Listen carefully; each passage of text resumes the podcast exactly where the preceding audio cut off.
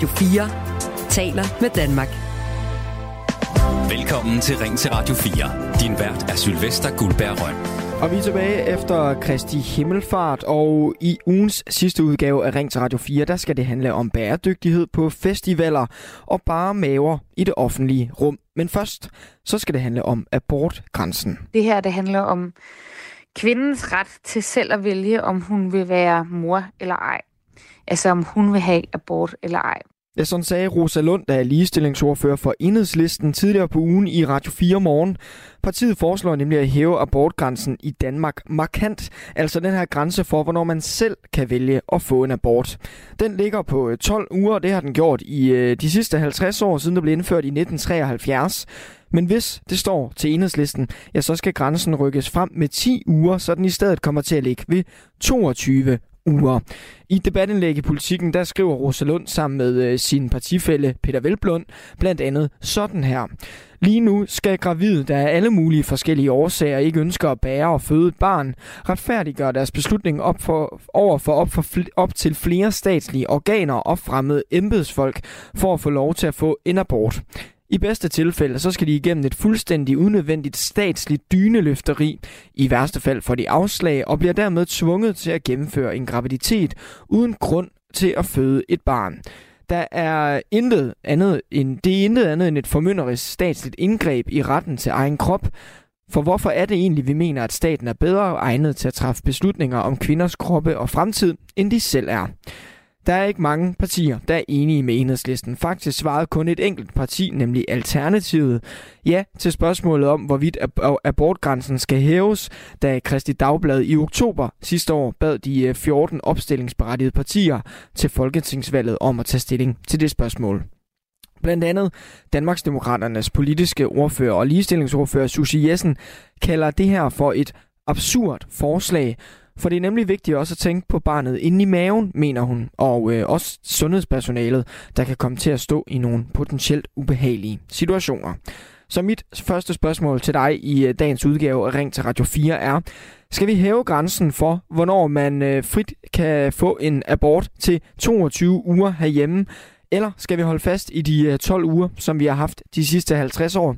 Jeg vil rigtig gerne høre fra dig i debatten. Det kan du gøre på to måder. Du kan ringe til mig, 72 30 44 44, og så kan du også øh, sende en sms. Den skal afsted til 14 24. Du lytter til Ring til Radio 4. Og for at få sparket debatten godt i gang, så har jeg ringet en af vores faste lyttere op, nemlig dig, Signe Foltalent på 48 fra Lejre. Hej Signe. Hej. Signe, hvad synes, selvfølgelig. Hvad synes du om det her forslag fra enhedslisten om at rykke abortgrænsen til 22 uger? Jamen, jeg synes, som, øh, jeg synes helt grundlæggende, at, øh, at øh, kvinden har ret til egen krop. Mm. Og øh, ud fra det synspunkt, så øh, synes jeg, det er en god idé at rykke øh, grænsen. Mm. Og øh, så vil man jo tale om, hvilke øh, støtte øh, foranstaltninger der skal være omkring kvinden i forhold til det at tage det svære valg, som det også er at få en abort. Mm. Og hvad, hvad, hvad tænker du om, om den her grænse, som, som enhedslisten foreslår, altså 22 uger? Jamen, jeg synes, jeg tænker, at altså, der er jo nogle, hvad skal man sige, overvejelser i forhold til stadiet, og, og hvordan man, øh, hvilke komplikationer det kan gøre for den krop, og øh, så bærer øh, øh, livet. Og det øh, har selvfølgelig, men, men altså, og i det er der nogle overvejelser, jeg er helt sikker på, at enhedslisten i det billede også har, har, har valgt 22 uger i forhold til øh, nogle overvejelser om, hvor, hvor det vil være, hvad skal man sige, har nogle overvejelser ud fra nogle synspunkter i, i forhold til de 22 uger. Altså 12 uger nu er jo er jo, hvad skal man sige, en, en grænse, hvor man, man øh, har mulighed for at, at øh, tage en beslutning mm. inden for et tidsrum, hvor man har godt har været bevidst om, mm. om sin graviditet. Og, og, sådan noget, og, og den grænse, den øh, kan efter min mening godt rykke sig en anelse op imod de 22, og også mm. til 22 i forhold til, hvad jeg selv har erfaringer med. Mm. Ja, nu siger du, hvad, hvad du selv har erfaringer med. Jamen altså, jeg har også gennemgået abort, og øh, det har været en svær beslutning også. Og det handler ikke om, at... Øh, ja, det handler meget om, om livstidspunkt, mm. og øh, ikke så meget om øh, andet end det. Altså, det handler om, hvor jeg er jo en helt almindelig gennemsnitsdanser på den måde, og øh, kunne have truffet et andet valg også på det tidspunkt, men der er jo nogle andre, som står i nogle meget svære situationer, end jeg har gjort på de tidspunkter, hvor jeg har truffet min valg, tror jeg nok, jeg vil synes, men det er jo også kun i, i, i lyset, altså i det lys, jeg kan, kan stå og situationen nu. I dengang var det meget vigtigt for mig at tage en rigtig beslutning, og sådan har vi det jo nok med store beslutninger i livet også, at det er Altså, at man ved jo godt, man kunne have gået flere veje, og mm. man, man har flere evner eller ressourcer nu, eller, eller noget om den stil. Så, så, så det er jo ikke en, en, en... Altså, det der med en rigtig beslutning omkring det, det har jeg personligt... Øh, så har jeg det ikke med den slags beslutninger. Altså, mm. øh, men, øh, men men, men, jeg, men jeg synes altså grundlæggende, at kvinden har ret til at bestemme over egen krop, og der synes jeg, at vi som samfund skal være meget, meget forsigtige med at regulere alt for stramt. Jeg tror mere, man skal, man skal kigge på, på, det, på den enkelte og, mm. og se, men... hvordan man kan støtte omkring det, og, og i øvrigt også de personer, der er omkring kvinden. Men Signe, der er, jo, det er jo også det, der er jo mulighed i dag for at få en abort efter 12. uge, så skal det bare igennem det her abortråd, som ligger ude i regionerne, og langt de fleste, som søger om en abort efter 12. uge, får jo øh, lov til det. Altså, øh, er det ikke et tegn på, at der måske ikke er så meget grund til at rykke ved, ved selve den her 12-ugers grænse? Nej, jeg har også godt fulgt den øh, debat og de artikler, der har været skrevet der. Der er også eksempler på, at der er nogen, der ikke har fået lov, som skulle, måske skulle have haft lov. Mm. Altså igen, det er jo en svær beslutning, og det er ikke... Jeg ser det sådan grundlæggende sådan, at det er ikke andre, der kan tage den beslutning, og jeg... Øh, hvad hedder det? En kvinde selv. Mm. Øh, og øh, det er ikke ens betydende med, at hun ikke inddrager sin mand eller sin kæreste, eller det, den, der har hvad skal man sige, de, dem, der øh, er berørt af, af det her. Mm. Men, eller hendes relationer i, i netop det. Mm. Øh, men, men, jeg, men jeg mener helt klart ikke, at det er samfundet, der skal tage den beslutning, og heller ikke et øh, abortråd. Signe, tak for lige at øh, sparke debatten i gang. Jeg skal nok øh, vende tilbage til dig. Vi taler altså om abortgrænse, for øh, enhedslisten de vil øh, gerne have den hævet for de 12 uger, som den er på i øh, dag og øh, har været de sidste 50 år. De vil gerne have den hævet til 22 uger, og det er altså mit spørgsmål til dig.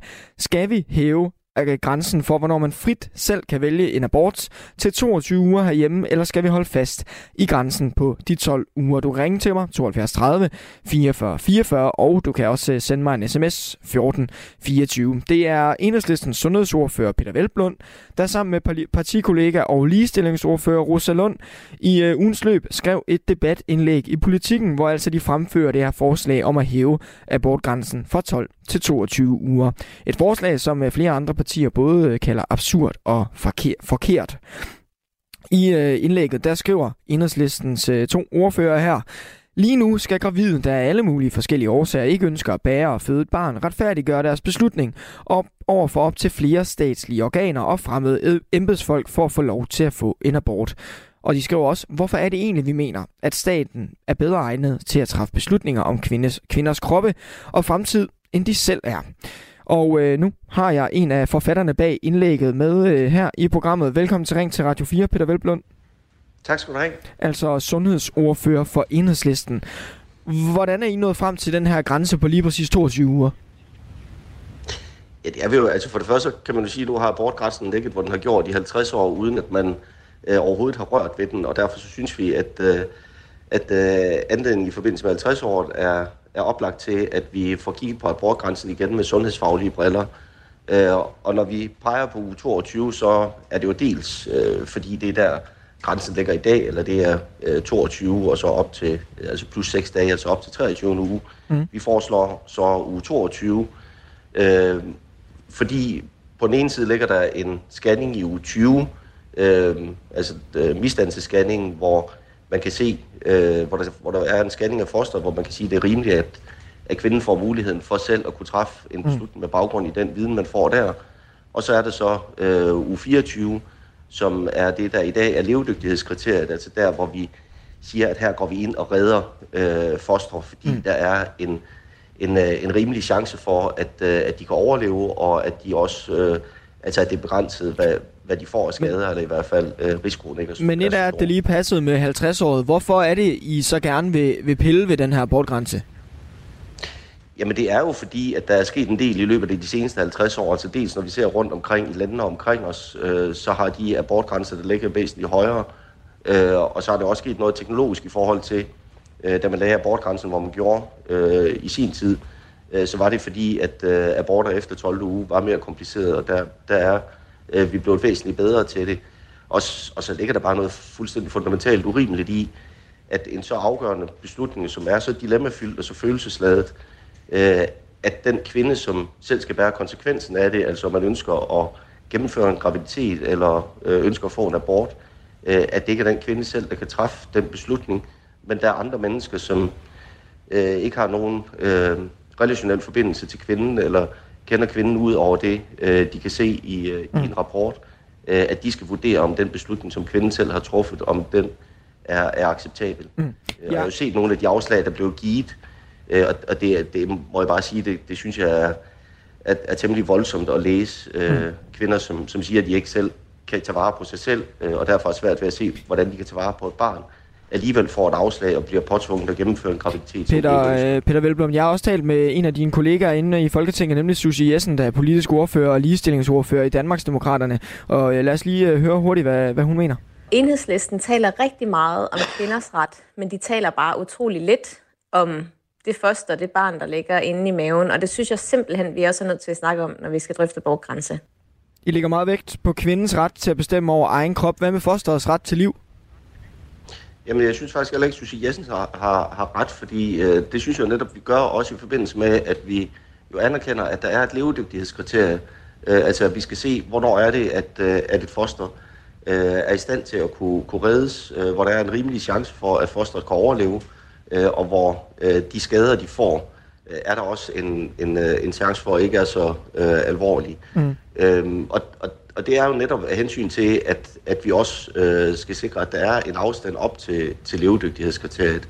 Så, så jeg synes, det her det handler jo grundlæggende om, at, at, vi skal, at vi skal acceptere det, men altså i dag giver vi jo også aborter op til, til uge 22. Øh, og, og jeg har ikke hørt nogen, der har sagt, at, at abortgrænsen skal, skal sænkes. Altså, så det gør vi jo i dag. Spørgsmålet er bare, er det en beslutning, som, som andre skal træffe, eller er det den der skal bære konsekvensen, så, altså kvinden og dem, hun så ønsker at rådføre sig med, der træffer Så man skal op til levedygtighed, før det trumfer, trumfer kvindens ret til egen krop?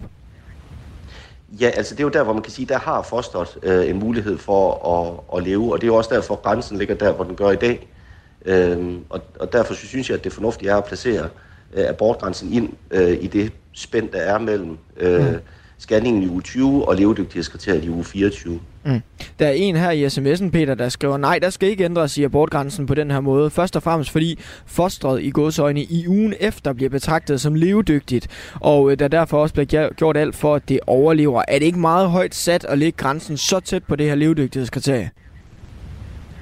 Men, men det er jo der, den ligger i dag, øh, og jeg tror sådan set ikke, at der er nogen øh, kvinder, som, som bevidst går og venter med at få en abort, fordi at, øh, at de har muligheden for selv at kunne træffe beslutningen senere. Jeg tror, det helt fundamentalt, at når man har truffet beslutningen, så ønsker man også øh, at, og, og, hvad hedder det, effektuere den.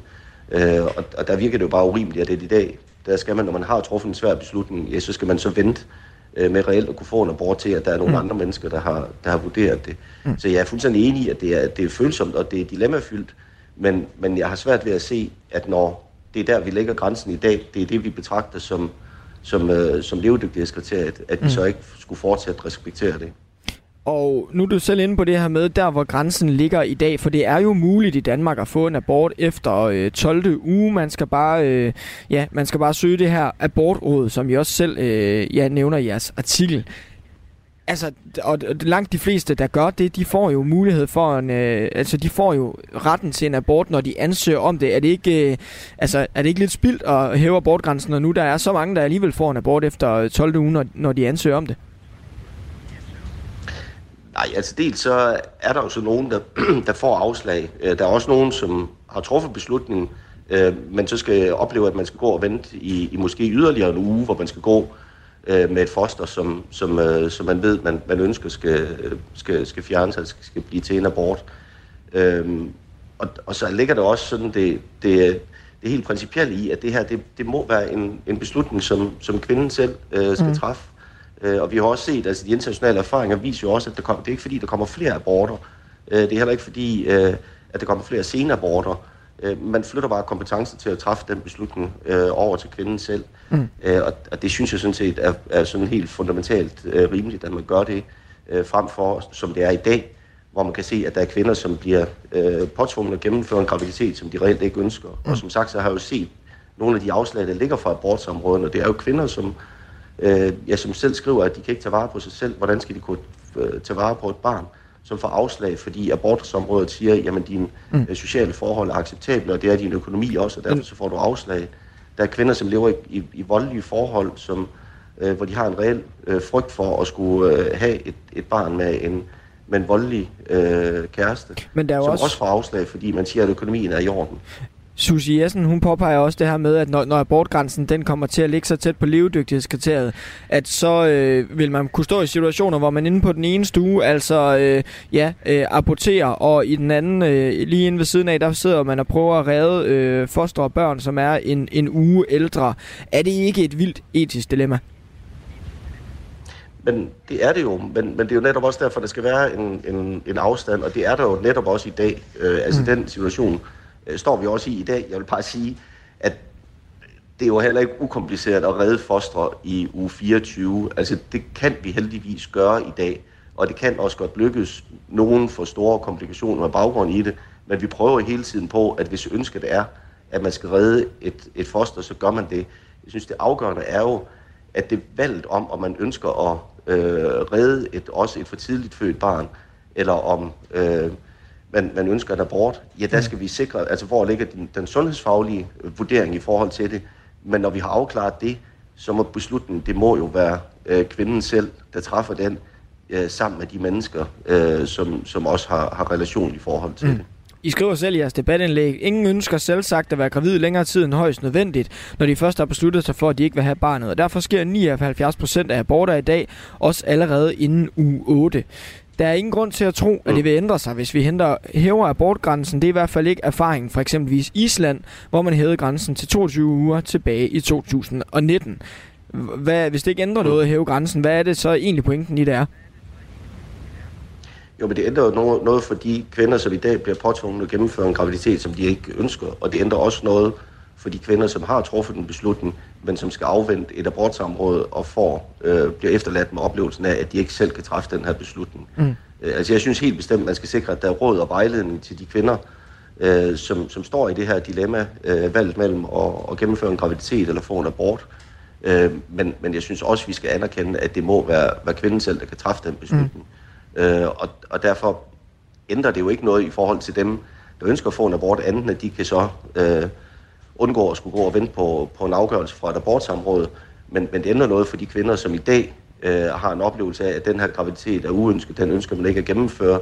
Det er rent sundhedsfagligt muligt mm. øh, at, at, at gøre det på en, på en forsvarlig måde, men, men de får ikke lov til det. De bliver påtvunget at gennemføre en graviditet.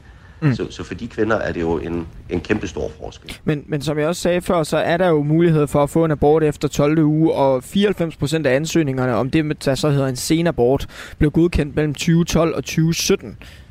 Altså hvorfor er det, der er brug for at pille ved det system? Jamen det er der jo, fordi der er kvinder, der får afslag, som jeg nævnte tidligere, mm. altså kvinder, som har gode, valide grunde til at få en abort, øh, men hvor de bliver underkendt, fordi at de ikke er fattige nok, øh, altså at de har acceptable sociale og økonomiske forhold. Øh, og og det, det er bare grundlæggende ikke rimeligt. Mm. Øh, så, så det her, det, det handler om, at der dels er nogle øh, kvinder, som i dag bliver påtvunget at gennemføre en abort, som de ikke ønsker, øh, og så handler det om det helt sådan fundamentalt principielle i forhold til, at den her beslutning, den må overlades øh, til kvinden, og dem, øh, hun så vælger at rådføre sig med, altså den, den familie, hun er en del af. Øh, og, og derfor så, så er det bare sådan principielt set også urimeligt, at vi ikke, øh, altså at vi har et, et, øh, et formynderisk øh, system, hvor, hvor det ikke er den, der bærer konsekvensen af beslutningen, der selv får lov til at træffe den. Mm. Og Peter Velblom, det er jo ikke, øh, altså, det er jo ikke fordi, at det er et, øh, et forslag, som indtil videre har fået øh, kæmpe stor luft under vingerne inde øh, i de andre folketingspartier. Hvad har I tænkt jer at gøre for at få rejst øh, opbakning til, et for, til det her forslag? Og jeg, jeg synes jo faktisk, der er nogle ting, der begynder at rykke sig. Altså, nu så jeg for eksempel Moderaterne øh, er ude at sige, at de ønsker også, at abortgrænsen skal flyttes til, til 18 uger plus, altså eventuelt også med en højere grænse. Vi kan jo se, der er stor opbakning, både fra, fra organisationerne, altså Sex og Samfund, øh, øh Kvindesamfundet, øh, Møderhjælpen, øh, er alle sammen enige i, at, at vi skal have hævet øh, abortgrænsen. Det er jo også det, der er budskabet fra de sundhedsfaglige, altså gynekologerne og obstetrikerne, øh, altså fødselslæger. Det er også budskabet for jordmøderne. Mm. Så jeg synes, når jeg ser på den sundhedsfaglige opbakning, så er der jo stor opbakning øh, til, øh, til forslaget. Øh, og det er også derfor, vi rejser debatten. Det er jo netop mm. for at sikre, at vi kan få en savlig debat på et sundhedsfagligt grundlag. Mm. Øh, og der kan jeg jo se, at der er forholdsvis stor opbakning, og det tror jeg også vil afspejles i, i den politiske debat efterfølgende. Peter Velblund, tak fordi du var med i Ring til Radio 4 i dag. Selv tak. Altså øh, sundhedsordfører for enhedslisten. Du kan også blande dig i debatten. Skal vi hæve abortgrænsen til 22 uger fra de 12 i dag, sådan som enhedslisten foreslår? Ring til mig 72 30 44 44. Du kan også øh, sende en sms på 1424. Det har Michael blandt andet gjort. Nej, den skal ikke hæves. Det er staten, der i de langt de fleste tilfælde skal foretage afslutningen af barnets liv. Så må det også være dem og slags befolkningen, der sætter grænserne. Og lidt et tveægget argument. Kvinders ret til egen krop. Med, med, med det argument kan den vel ikke helt op til fødslen går i gang af sig selv, siger Michael. Annette skriver, som udgangspunkt burde det være muligt inden for de 12 uger at beslutte sig for en abort.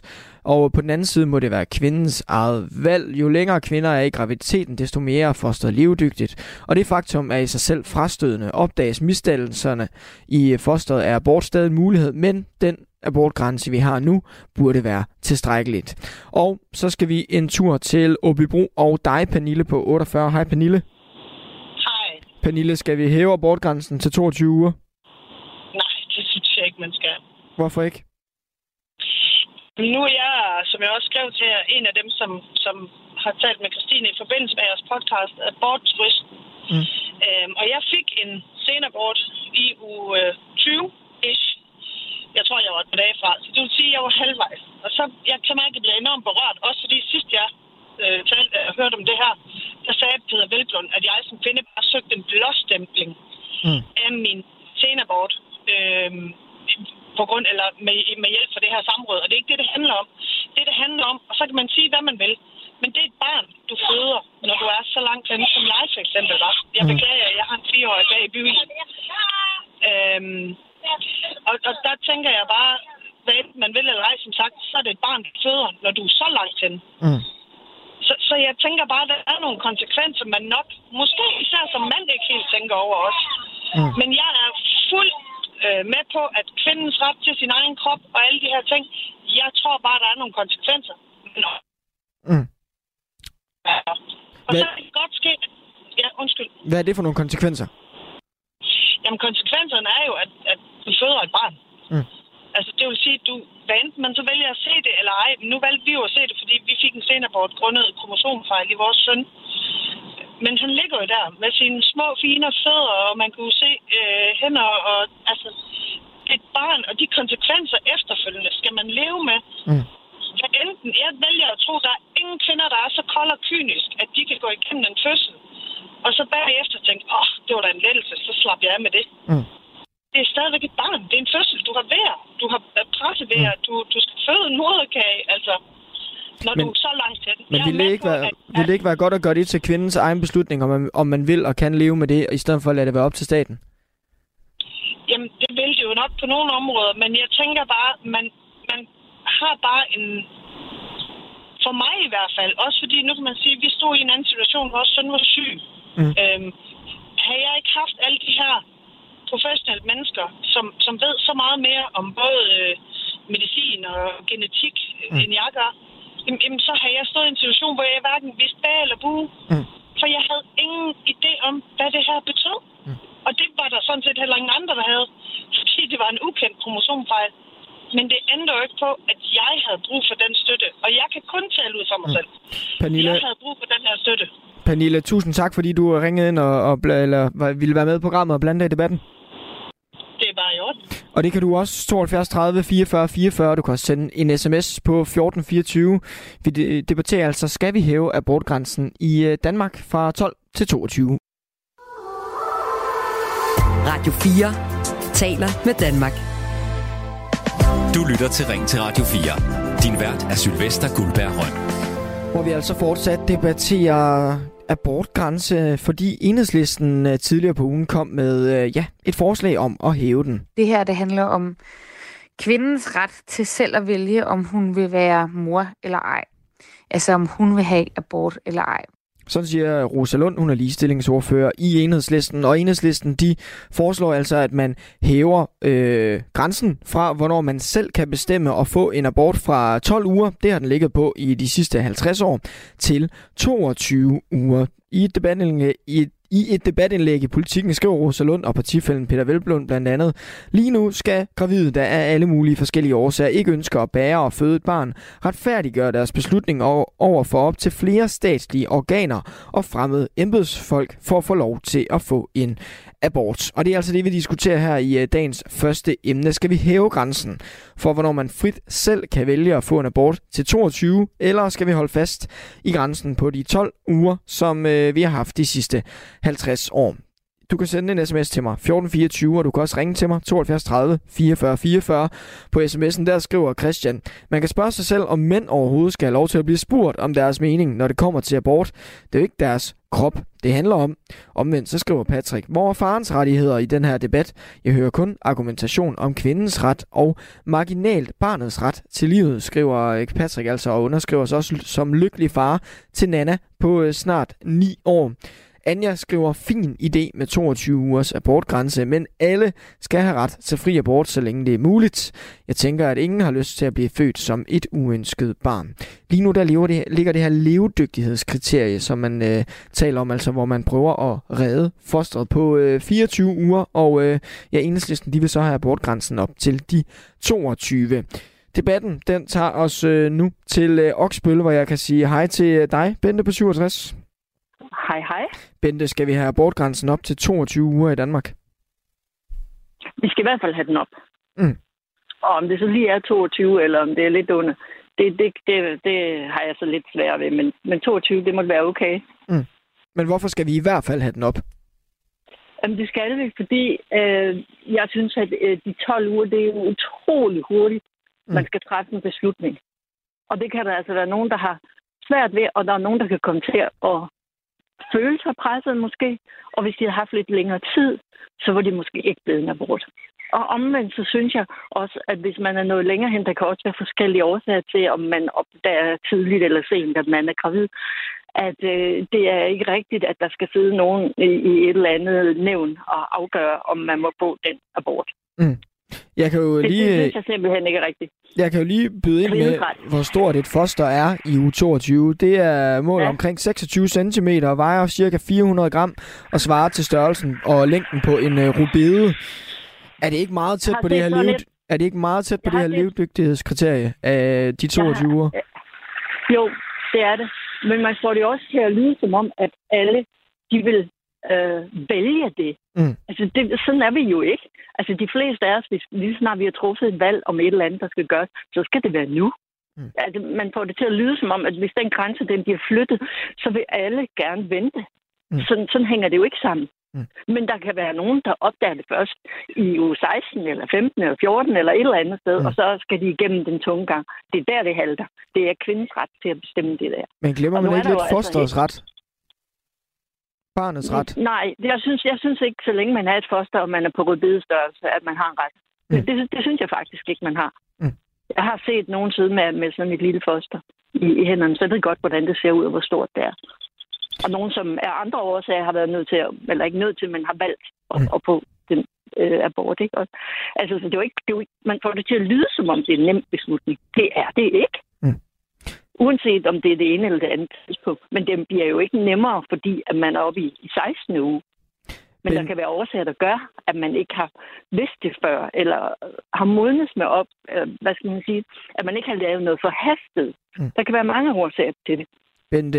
Men jeg tror bare, at det der nævn sidder og trækker nogle beslutninger ud fra nogle kriterier, der står på et, parti, på et papir, og hvis du har for mange penge for god, økonomi, og du mm. ellers er meget velfungerende, så er det bare ikke noget, der kan lade sig gøre. Bente, tak fordi du øh, ville være med i debatten i dag. Velkommen. Nogen, der mener, at det er helt forkert at øh, ja, øh, gøre, øh, hæve abortgrænsen fra 12 uger til 22 uger, sådan som enhedslisten foreslår. Det er ja, flere partier i Folketinget, blandt andet Danmarksdemokraterne. De er kritisk over for ideen. Partiets politiske ordfører og øh, også ligestillingsordfører Susie Jessen, hun kalder det for et absurd forslag. Det er absurd, fordi at vi ved, at teknologien udvikler sig hele tiden, og de redder børn tidligere og tidligere, der er for tidligt fødte. Og det er også bare absurd, når man tænker på, øh, hvor langt henne i en graviditet man faktisk er, når man er 22 uger henne.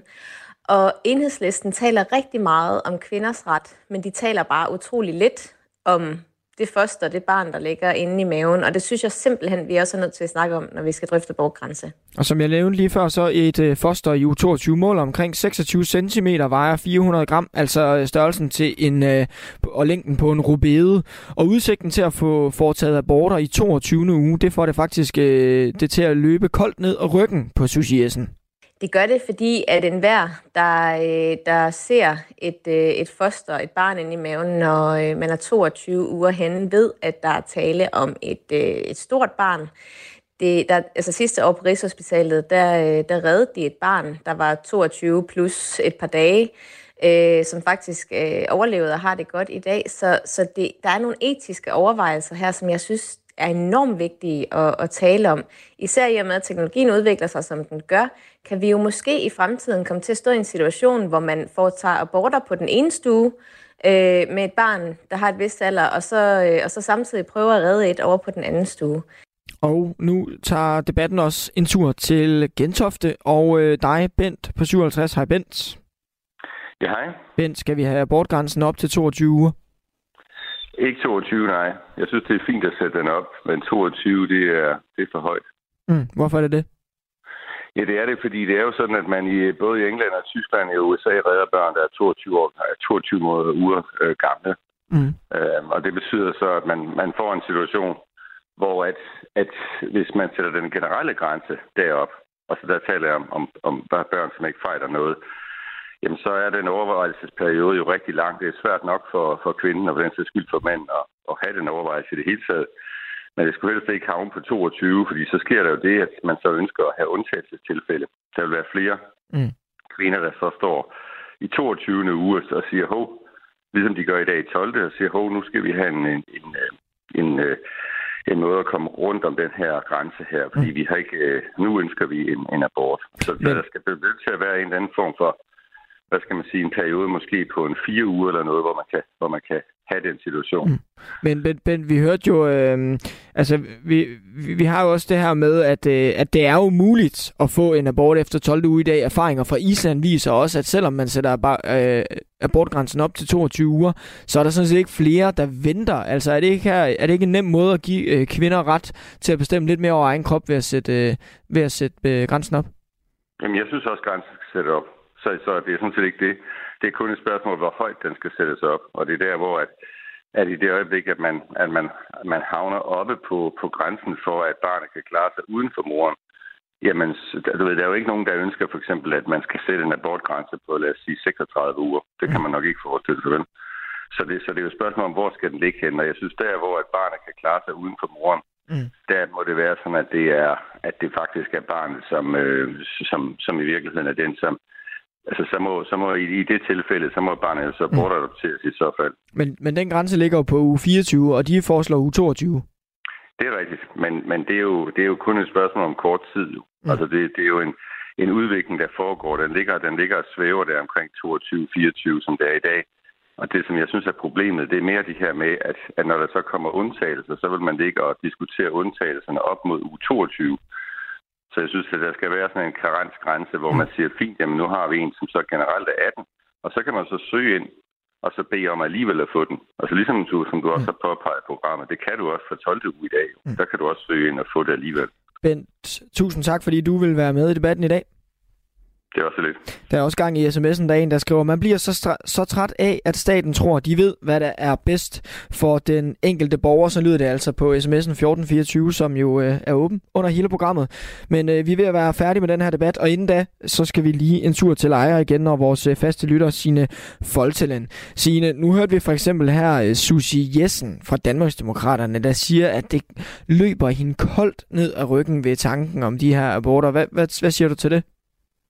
Ja, det kan jeg meget godt forstå, fordi det er jo en øh, svær beslutning, og, og mange kvinder har øh, stået mere eller mindre i den situation af mange forskellige årsager. Men jeg mener altså stadigvæk, at, øh, at det er, at nu bliver der talt rigtig meget om alle mulige andre øh, hvad skal man sige, omstændigheder, teknologiens fremskridt, øh, hvad vi er i stand til og alt muligt. Men jeg vil altså gerne tilbage til det med, vi som mennesker, altså kvindens krop, hvad det er, vi har... Øh, ret til øh, at bestemme over. Og der mener jeg altså stadigvæk, at det grundlæggende er, at man har øh, øh, ret til at bestemme over egen krop, og deri ligger også at, øh, at tage valget om abort. Mm. Og det er altså, det har så mange konsekvenser, det er vi altså ret enige om på forskellige måder. Men, og det gør det ikke lettere. Selvfølgelig er der nogle omstændigheder, men jeg mener jo altså ikke, altså kvindens øh, krop er jo genstand for mig en debat, mm. og øh, både abort og alt muligt andet.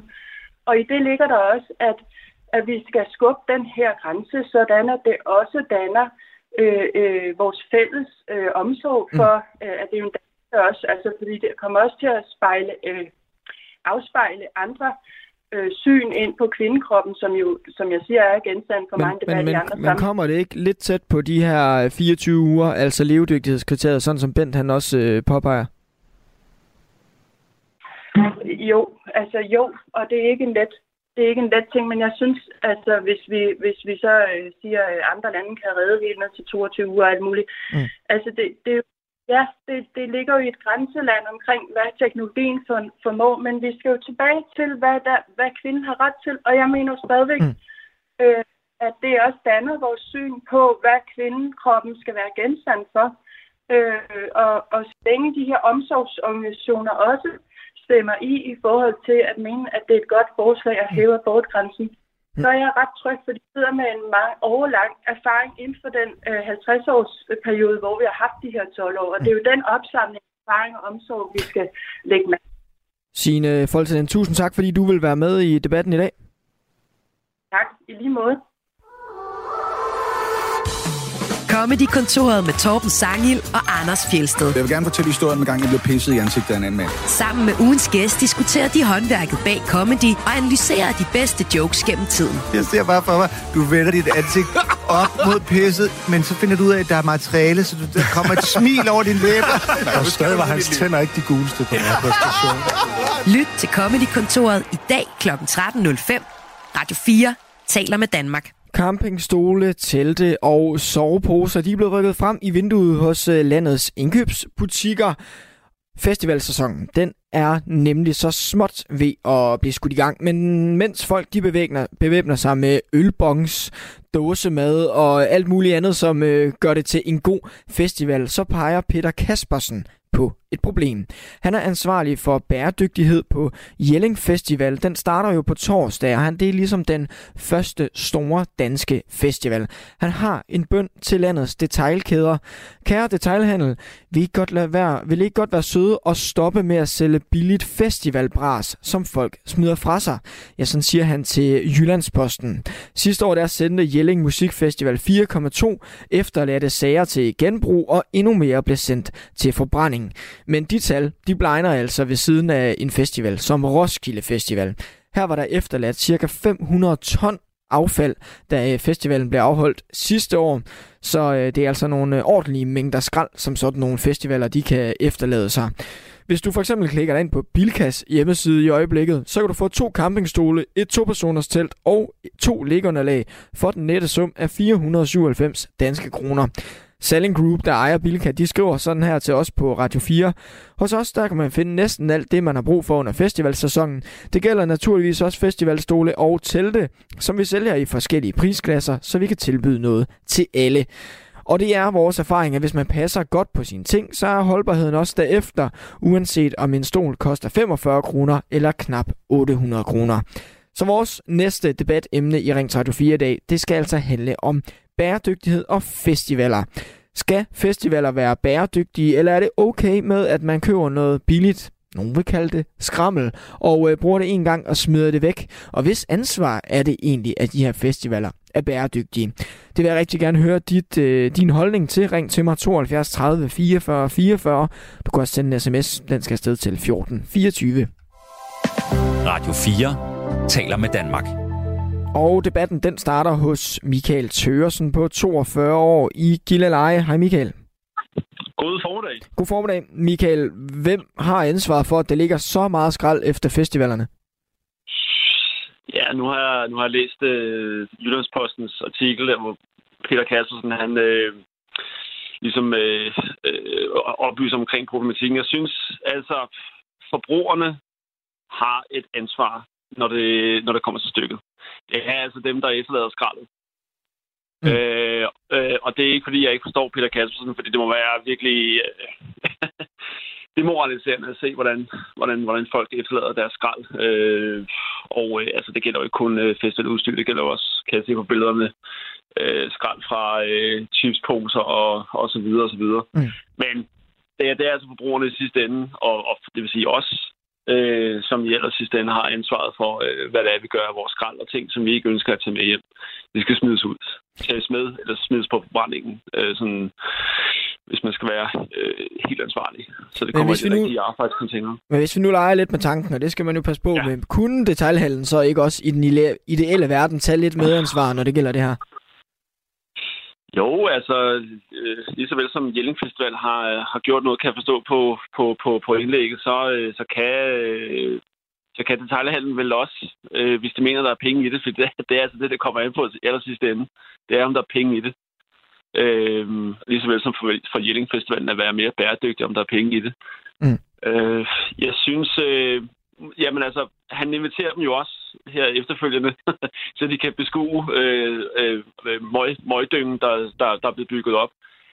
Uh, jo, det kan de vel godt. Altså, hvis det er inde på lovgivningen i forhold til, hvad for nogle ting, der er i de forskellige produkter, det er der allerede regler for i forvejen. Men øh, ja, folk kan være med at købe det, mm. og de sælger det, hvis det er, de mener, der er penge i det. Mm. Øh, jeg synes godt nok, den er svær, fordi jeg, jeg synes også, man skal passe på med, at, at, detaljhandlen bare har et ansvar hele tiden for, hvad folk køber og hvad de gør med det efterfølgende. Mm. Øh, og det, jeg synes som sagt, i sidste ende, der er landet den altså hos forbrugeren. Den politiske forbruger øh, mm. findes altså stadigvæk. Mm. Øh, det har man set øh, mange gange før. Øh, så, så måske skulle folk være mere politiske mm. i deres forbrug i forhold til, hvis de tænker så meget på miljøet. Michael, øh, ja. tak for lige at sparke debatten i gang. Vi, øh, vi iler videre, men jeg skal nok komme tilbage til dig, altså hvor vi taler om skrald på festivaler, og helt konkret de her stole og telte, og hvad man ellers kan købe til meget, meget billige penge i øh, supermarkeder og byggemarkeder lige nu, fordi festivalen, den øh, festivalsæsonen står for døren. Skal, øh, skal festivalerne være mere bæredygtige, eller er det okay med det her brug og smid væk, som ja, de her festivals øh, ting jo øh, ofte er, og hvis ansvar er det egentlig? Det vil jeg rigtig gerne høre din øh, holdning til 72 30 44 44 eller på sms'en 1424. Der er blandt andet en, der skriver så meget for de unges interesse for klimaet, at de efterlader en festival så øh, således. Om ikke mange dage, der bliver den danske festivalsæson sådan øh, mere eller mindre officielt skudt i gang, nemlig på øh, torsdag, der går Jelling Musikfestival i gang, og det er ligesom den første store danske festival. Og en af nøgleordene kommer helt sikkert til at være øh, bære bæredygtighed. Peter Kaspersen, han er øh, Jelling Musikfestivals bæredygtighedsleder. Han har en opfordring til øh, landets detailhandlere om at tænke sig øh, om. Og nu kan jeg sige øh, god formiddag til dig, Peter Kaspersen. Det var vist derovre. Hej Peter Kaspersen. God formiddag. Der var Hej. du. Øhm, du siger til Jyllandsposten, kære detailhandel, vil I ikke godt, lade være, vil I ikke godt være søde og stoppe med at sælge billigt festivalbras, som folk smider fra sig? Kan du ikke godt forstå, at man smider teltet fra sig, når man er færdig på en festival? Nej, det kan jeg faktisk ikke forstå. Mm. Fordi jeg synes, øh, det er et fælles ansvar, at vi sørger for at rydde godt op efter os, når vi øh, har holdt en god fest ansvaret på Jelling Musikfestival er selvfølgelig vores. Vi er også der har ansvaret for oprydning. Men øh, vi kunne godt tænke os i fællesskabets tegn sammen med vores gæster og knække nøden på, at vi også får ryddet godt op på vores camp efter festivalen. Mm.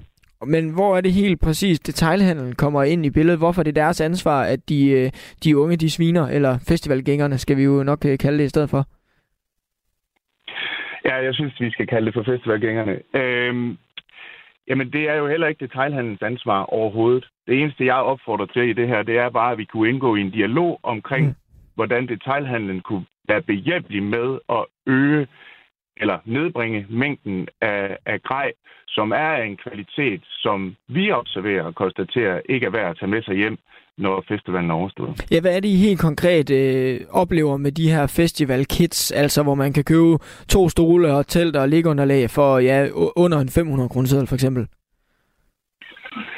Det vi oplever, det vi kan konstatere på, på festivalen, er, at selvom øh, detailhandlen er ude med, og Salling er ude med, at hvis man passer godt på tingene, så går det ikke i stykker. Så oplever vi, at noget af det her grej, at det øh, går i stykker allerede ved selve tilslagningen, altså når tingene bliver sat op.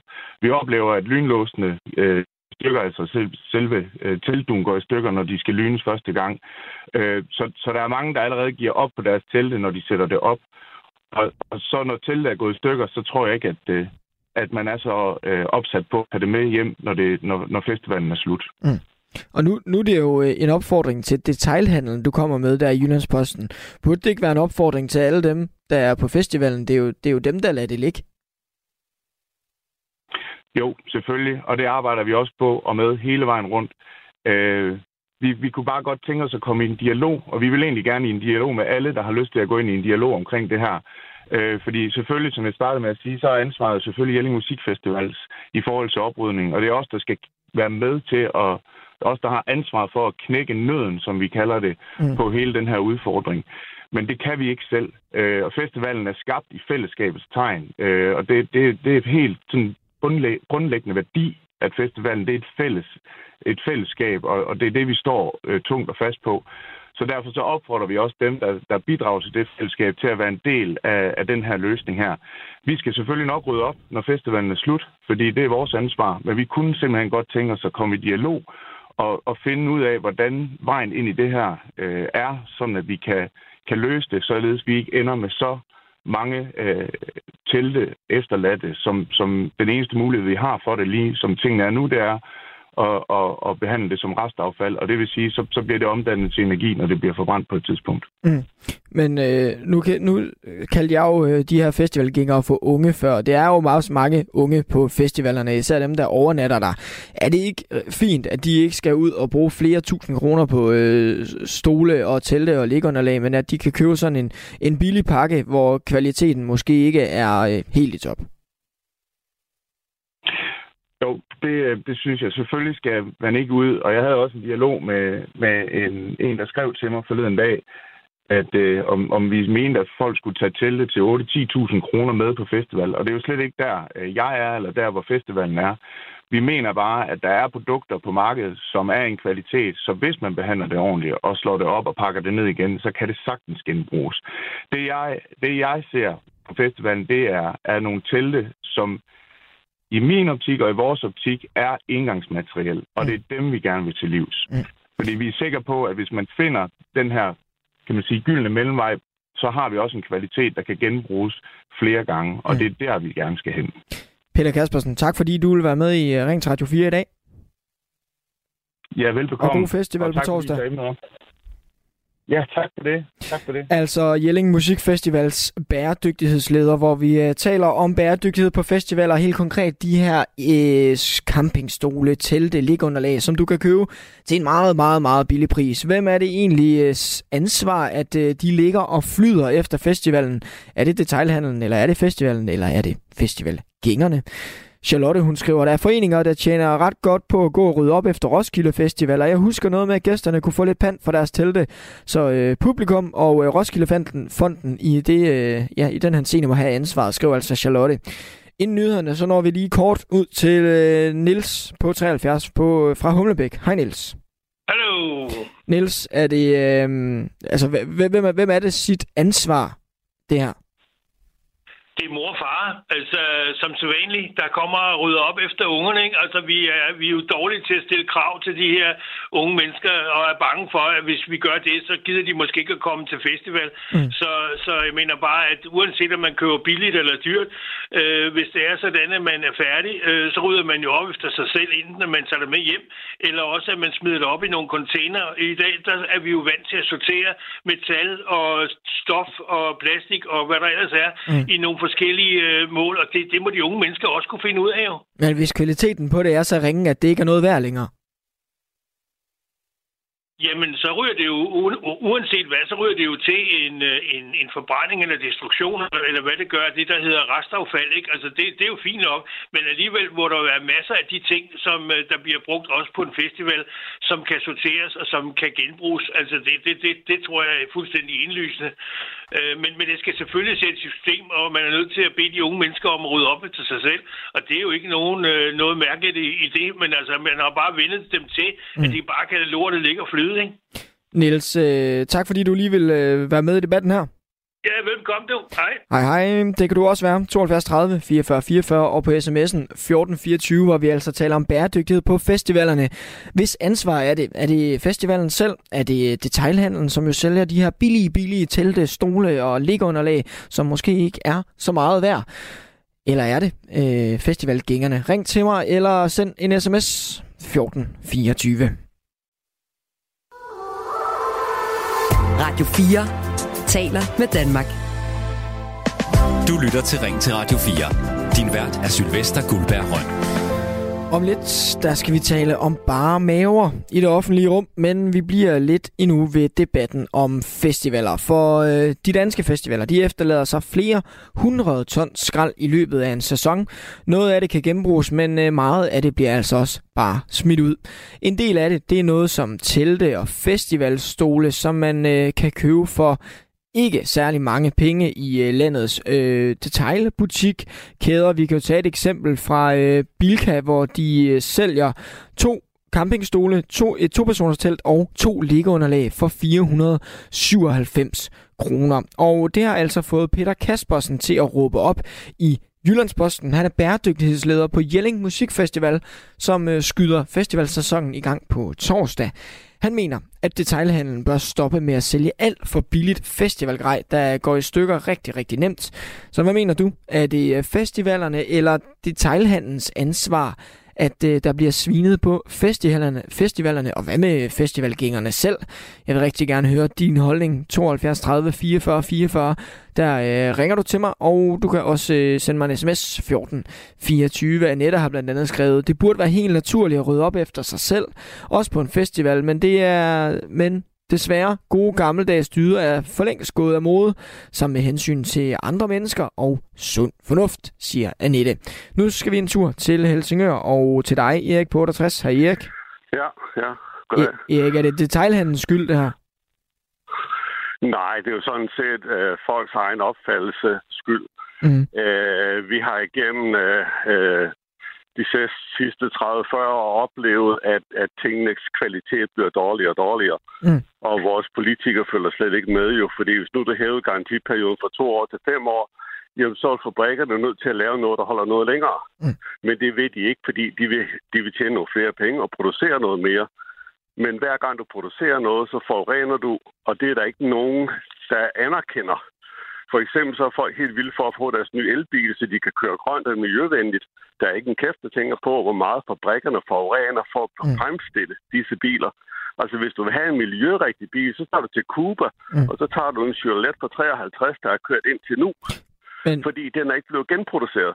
Altså, der er ingen, der peger på fabrikkerne, mm. og derfor folk, de køber bare. Og Erik, Erik nu peger ja. du på, at alt er blevet dårligere kvalitet. Hvad, hvad ja. tænker du på her?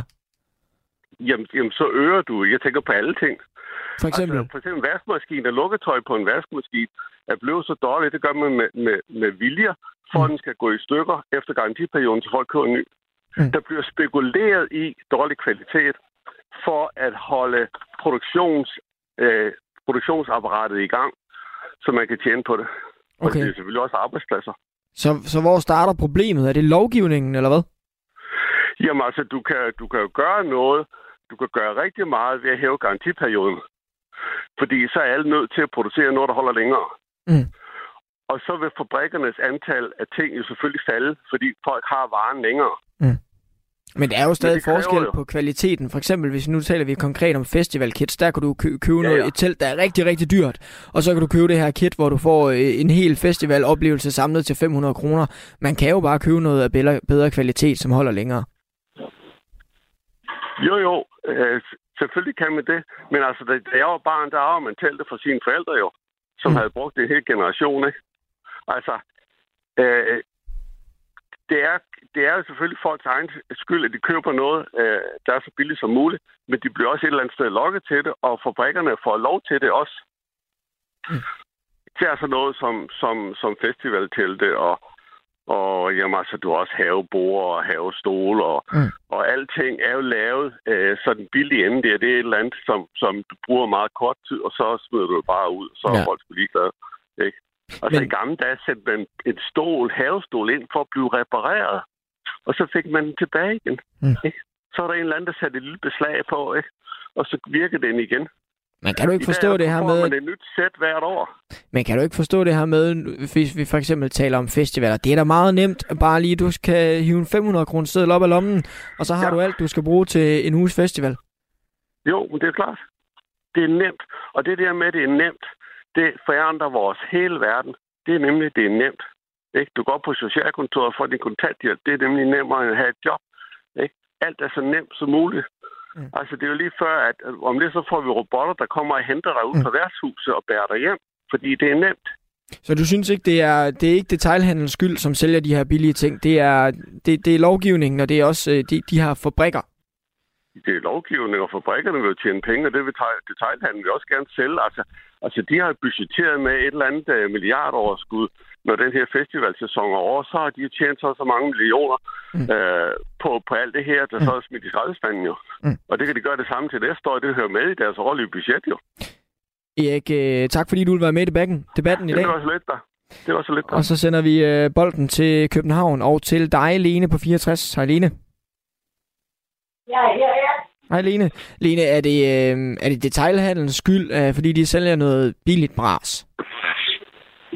Øhm, nej, det er det ikke. Mm. Altså for det første så øh, er det de unges ansvar at rydde op efter sig. Mm. Og med far for at lyde som en, øh, en, øh, en øh, gammel tante. Jeg har godt nok også været på mange Roskilde Festivaler, da jeg selv var yngre. Øhm, og også været andre steder, hvor, hvor, der var, altså, hvor, der var mulighed for at spille skrald, øh, skrald fra sig. Og jeg synes virkelig, Altså, jeg, jeg, jeg, jeg, jeg, jeg, jeg, det er ikke kun fordi, jeg er ved at blive gammel. Jeg tror, det bliver, jeg havde det samme måde for 20 år siden. Jeg synes simpelthen, det er, for nu at tage Roskilde Festival, som jo er festivalen, Mm. og den største i Nord- Norden og Nordeuropa og sådan noget, så er det simpelthen for ringe af de unge, inklusive min egen søn, at de ikke kan finde ud af at tage deres gamle telte med hjem, mm. og at de ikke kan, og, hele tiden har en forventning om, at det er nogle andre, der gør for dem. Ikke? Hvis de ikke er noget Det er værd, jo- hvis det er gået i stykker, fordi det er så dårlig kvalitet. Ja, men altså, så skal de alligevel fjerne, så er det affald. Mm. Og, ja, og det er jo sådan, at Roskilde Festival er så organiseret nu. Der er konstant skraldehold, der er container og, og affaldsbøtter og alt det andet. Det er jo ly- ryddet, altså, øh, jeg ved ikke hvor mange gange, ekstra dag, øh, gange om dagen. Så der er ikke nogen undskyldning. Det er ikke engang, det var i gamle dage, hvor man tænkte, jamen, det var en langt for alting, ikke? Og at det var svært at holde fasten ren og sådan noget, ikke? Så jeg, altså, jeg er virkelig, altså, første gang, min søn gjorde det, og han 16, tror jeg, 17. Mm. Og så sagde jeg, hvad så med det selv, de købte ud, og de her selv, de købte, så han, nej, sagde så, det var lige været af dem, som i det ikke. Mm. Og så blev jeg skide sur på ham, og øh, sådan det ikke var mig, der betalte det.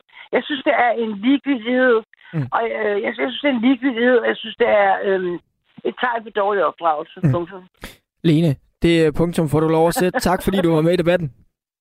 Selv tak, hej. Og øh, for en god ordens skyld, så har vi jo øh, talt med øh, Salling Group. Det er dem, der ejer Bilka, hvor man altså for eksempel kan få en, øh, en pakke med to campingstole, et topersoners telt og to liggeunderlag for 497 kroner. De skriver til os, hos os der kan man finde næsten alt det, man har brug for under festivalsæsonen. Det gælder naturligvis også festivalstole og telte, som vi sælger i forskellige prisklasser, så vi kan tilbyde noget for alle. Og det er vores erfaring, at hvis man passer godt på sine ting, så er holdbarheden også derefter, uanset om stolen koster 45 kroner eller knap 800.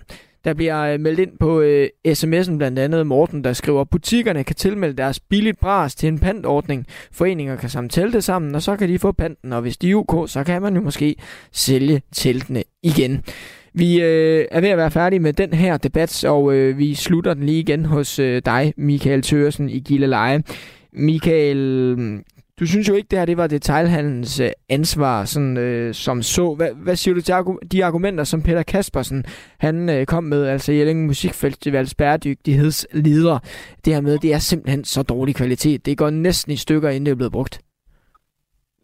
Ja, altså, jeg kan godt, øh, jeg kan, jeg kan godt følge om, og øh, ja, altså, nu, har, nu har jeg skrevet nogle ting ned her. Øh, markedet har åbenbart fundet en eller anden niche. Altså det, det er drønhavne populært at tage til festival, og nu har de lavet de her pakkeløsninger. Og det kan godt være, at det giver folk nogle, nogle incitamenter øh, til, at åh, så lader det bare lort ligge, for det ikke koster en skid alligevel. Øh, men, men igen, det er altså folk, der selv smider det væk. Øh, mm. om, om, øh, om, om, jeg, jeg vil stadig sige, at det er ikke detaljhandelens skyld, at, øh, at folk de, øh, de øh, kan man sige, får stigende dårlig og dårlig moral. Mm. Øh, og jeg vil også lige sige, øh, ah, det, det, der er jo lidt nogle data på, at det kun er at de unge mennesker, der smider tingene væk. Øh, det er vel alle aldersgrupper, som mm. jeg kan forstå. Mm. Øh, så, så jeg synes ikke, at vi skal hænge de unge ud for at øh, være, øh, have mangel på miljøbevidsthed. Mm. Så så længe, så længe at det, der er nogen, der vil købe det her, så er det ikke butikkernes ansvar. Ja. Altså, så, så er det Jamen. udbud efterspørgsel. Et eller andet sted, ja. Og så, øh, så, så, hvis man, altså, det er altså ikke detaljhandels job at, at forbedre folks moral. Det, det er det altså ikke. Men jeg kan godt forstå Peter Kaspersen, og der bliver sikkert gjort en masse ting på Jelling Festival i forhold til, hvordan folk kan komme af med deres skrald, øh, når nu at de, de slår sig op på at være bæredygtige. Og det, det er, er prisværdigt. Det synes jeg. Mm. Men det er kæmpe arbejde. Øh, og det er fint, at de vil have en samtale med, med, med detaljhandlen. Jeg kan også forstå, at Festival Kids har gjort noget rent faktisk noget med nogle reservedele osv. osv. Det synes jeg også er rigtig fint. Øh, men øh, ja, detaljhandlen har ramt et marked. Mm. Festival er hammer populært. Så det, øh, så man kan sige, de, øh, de har ramt ned i folks dårlige moral, mm. øh, hvis det er, at man bare efterlader tingene. Men nej, man tager heller ikke sit hammerdyr og spejdergrej med til festival. Fordi der er alkohol, og der er også det, der er værre. Mm. Det er ikke kun en selv, der er påvirket, det er også alle de andre mennesker. Så man passer selvfølgelig på de ting, som er hammer dyre. Og måske knap så meget på de ting, som er lidt billigere. Mm. Øhm, så ja. Uh, ja, jeg synes, den er, jeg, jeg synes alligevel, det er svært, men jeg, jeg holder fast i, det, når, I, når I kommer til så er det altså forbrugeren selv, mm. øh, der, der, der, der står for ansvaret. For smidt skraldet ud, øh, og øh, hvad hedder det, den, den politiske forbruger må, må bare mere på banen. Lad være med at købe det. Mm øh, så finder markedet også selv ud af, at der er ikke noget marked for det her. Michael Thørsen, tusind tak, fordi du vil være med i debatten i dag. Velkommen. Og øh, så er det blevet tid til øh, dagens og ugens sidste debatemne. Du lytter til Radio 4. Hej mænd. I bliver aldrig så lækre, at det berettiger, at jeg skal finde mig i jeres bare overkroppe. Sådan skriver kulturkommentator Christian Lindberg i et øh, nyt indlæg i Berlingske. Og det er altså lige præcis det, vi skal diskutere nu. Er det i orden, at mænd går rundt med bar overkrop på gader og stræder, når sommervarmen melder sig? Ja, hvis du har en mening om det, så vil jeg altså rigtig gerne høre den. Ring ind til mig 72 30 44 44, eller send mig en sms på 1424. Der er formentlig øh, blandede holdninger til det her, for på den ene side, så kan vi jo godt bryst, lige at bryste os af at være frisindet her i Danmark. På den anden side, så er der jo folk som Christian Lindberg, der på den ene eller den anden måde finder det frastødende eller grænseoverskridende at se på det bare maveskin og øh, behåret brystkasse. Andre mener måske slet og ret, at det er mangel på pli og dannelse i øh, det offentlige rum. Her på redaktionen, der talte jeg så gang med mine kollegaer om, at det også sender øh, forskellige signaler alt efter, hvordan man ser ud, eller, eller om det gør det. Ligegyldigt om du er øh, for eller imod bare overkroppe, så vil jeg altså gerne høre, hvorfor. Er det i orden, at mænd går rundt med bare overkrop på gaden, på restauranten, i supermarkedet, når det altså begynder at blive rigtig varmt her i Danmark, som det jo så forhåbentlig snart gør? Eller vil du helst være fri for at se på det, blandt dig i debatten? Vær med i programmet. Du kan ringe til mig 72 30 44 44. Du kan også sende mig en sms på 1424. Du lytter til Ring til Radio 4. Og for at komme godt i gang med debatten, så skal vi en tur til Nørre og dig, Bjarke Ries Poulsen på 25. Hej Bjarke. God dag. God dag. Bjarke, må mænd gå rundt i øh, bar mave, eller vil du helst være fri for at se på det? Øh, jeg, har ikke, jeg har ikke noget mod at se på det. Øh, jeg kommer ikke selv til at gøre det. Øh, det tror jeg øh, lidt, det handler om, at øh, med den pli og dannelse, der er jeg sgu vant til, at så tager man en løs skjort på eller et eller andet, men jeg vil ikke til at, at sige, at jamen, det skal forbydes, det vil vi ikke se på, fordi at, øh, hvad med, så kan vi sammenligne med de der crop tops, som øh, piger øh, vil gå i. Og der var jo en kæmpe debat her, ja, det er et års tid siden, eller sådan noget, fordi der var en skole, der forbød, at de må have dem på. Og det er jo også noget, der viser bare hud. Øh, men det skulle de bare have lov til, de piger der. Men mm. så må mændene ikke have lov til at vise deres mave, eller, eller hvor, hvor er vi lige henne, ikke også? Men synes du, det er mangel på pli og dannelse at gå rundt i bare mave? Øh, nej, det, mange, nej, det synes jeg ikke, det er. Men øh, jeg kommer ikke selv til at gøre det. Øh, jeg tror, det, at de, de, føler det, de føler det afslappende og, mm. og kan gøre det. Øh, men der er jo ikke meget øh, hvad man sige, elegance over det. det er der jo ikke. Mm. Men at, at, at de vil, det, det, det skal de have lov til. Hvorfor er det, du ikke selv kunne finde på det? Og det tror jeg skulle være lidt mere lidt for blufærdigt, tror jeg. Det, det, eller det, er, det, det, det, det behøver ikke nogen i bare mave. Det er mm. kun, når jeg går ind på, på min egen matrikel, og det er kun, når hustruen, der kan se det. Mm. Men hvad, sy- synes du, der er nogle, nogle nuancer, nogle forskelle? Altså er der forskel på, om man sidder på en restaurant ude i det gode vejr, når det er godt vejr, eller er det... Øhm, altså, hvis man nu løber en tur rundt i, i bybilledet, altså er der forskel på situationen? Ja, det synes jeg da. Det synes jeg helt klart. Altså, løber du en tur, eller går du en tur ned ad, af gaden, og sådan, så for mig ingen alarm. Men altså, er man på en restaurant, eller, så synes jeg, så plejer man at tage, jeg plejer i hvert fald selv at tage noget pænere tøj på. Mm. Og, øh, og, og, så synes jeg ikke, man, så behøver man ikke sidde bare overkrop. Der kan man godt lige... Det gør sig lidt fint, når man skal i byen, ikke? Mm. Øh, øh, og der kan man godt få nogle tynde løs skjorter, som, som, som man kan se, se ordentligt ud i. Men i forhold til at, at løbe en tur, der er, der er sgu ikke noget mod, at, at folk de har bare overkrop. Det er mm. også lidt varmt at gøre det. Tak fordi du vil uh, sætte debatten i gang, Bjarke. Jeg skal nok vende tilbage til dig. Og øh, imens vi går videre, så kan du jo også melde ind, altså er det jo okay, at øh, mænd de går rundt med bare overkrop på gaden, eller på fortorvsrestauranten i supermarkedet, nu når øh, det begynder at blive øh, dejligt dansk sommervejr? Eller vil du helst være fri for at se på det? Ja, det vil jeg altså gerne høre din holdning til. 72 30 44 44. Du kan også sende mig en sms på øh, 14 24, for du kender den garanteret, og måske du også selv har en, altså den mandlige overkrop. Sommeren den er over os, og for nogen så er øh, der jo der er nogen, der bruger den her talemåde, suns out, guns out, altså solen er ude, og så skal man også have sine store muskler ud. Øhm, for det kan jo være så varmt, at man føler, at man ikke kan have, holde ud og have overtøj på. Men er det okay? Og hvor går grænsen for, øh, hvor og hvordan det er okay? I Berlingske, der kunne man for nyligt læse en kommentar, hvor øh, skribenten mener, at, og jeg citerer, man overalt kan risikere at få forpurret den skønne tid med synet af brankekød i alskens nuancer. I maj kan det være lige fra kefir med kage til lyserød salmonella-kylling. Senere på sommeren får de mest ihærdige, de der også oftest udstiller sig, samme farve som indholdet af et hundetoilet og vækker også de samme følelser hos mig. Og øh, nu kan jeg byde velkommen tilbage manden bag de øh, ord, nemlig dig, Christian Lindberg.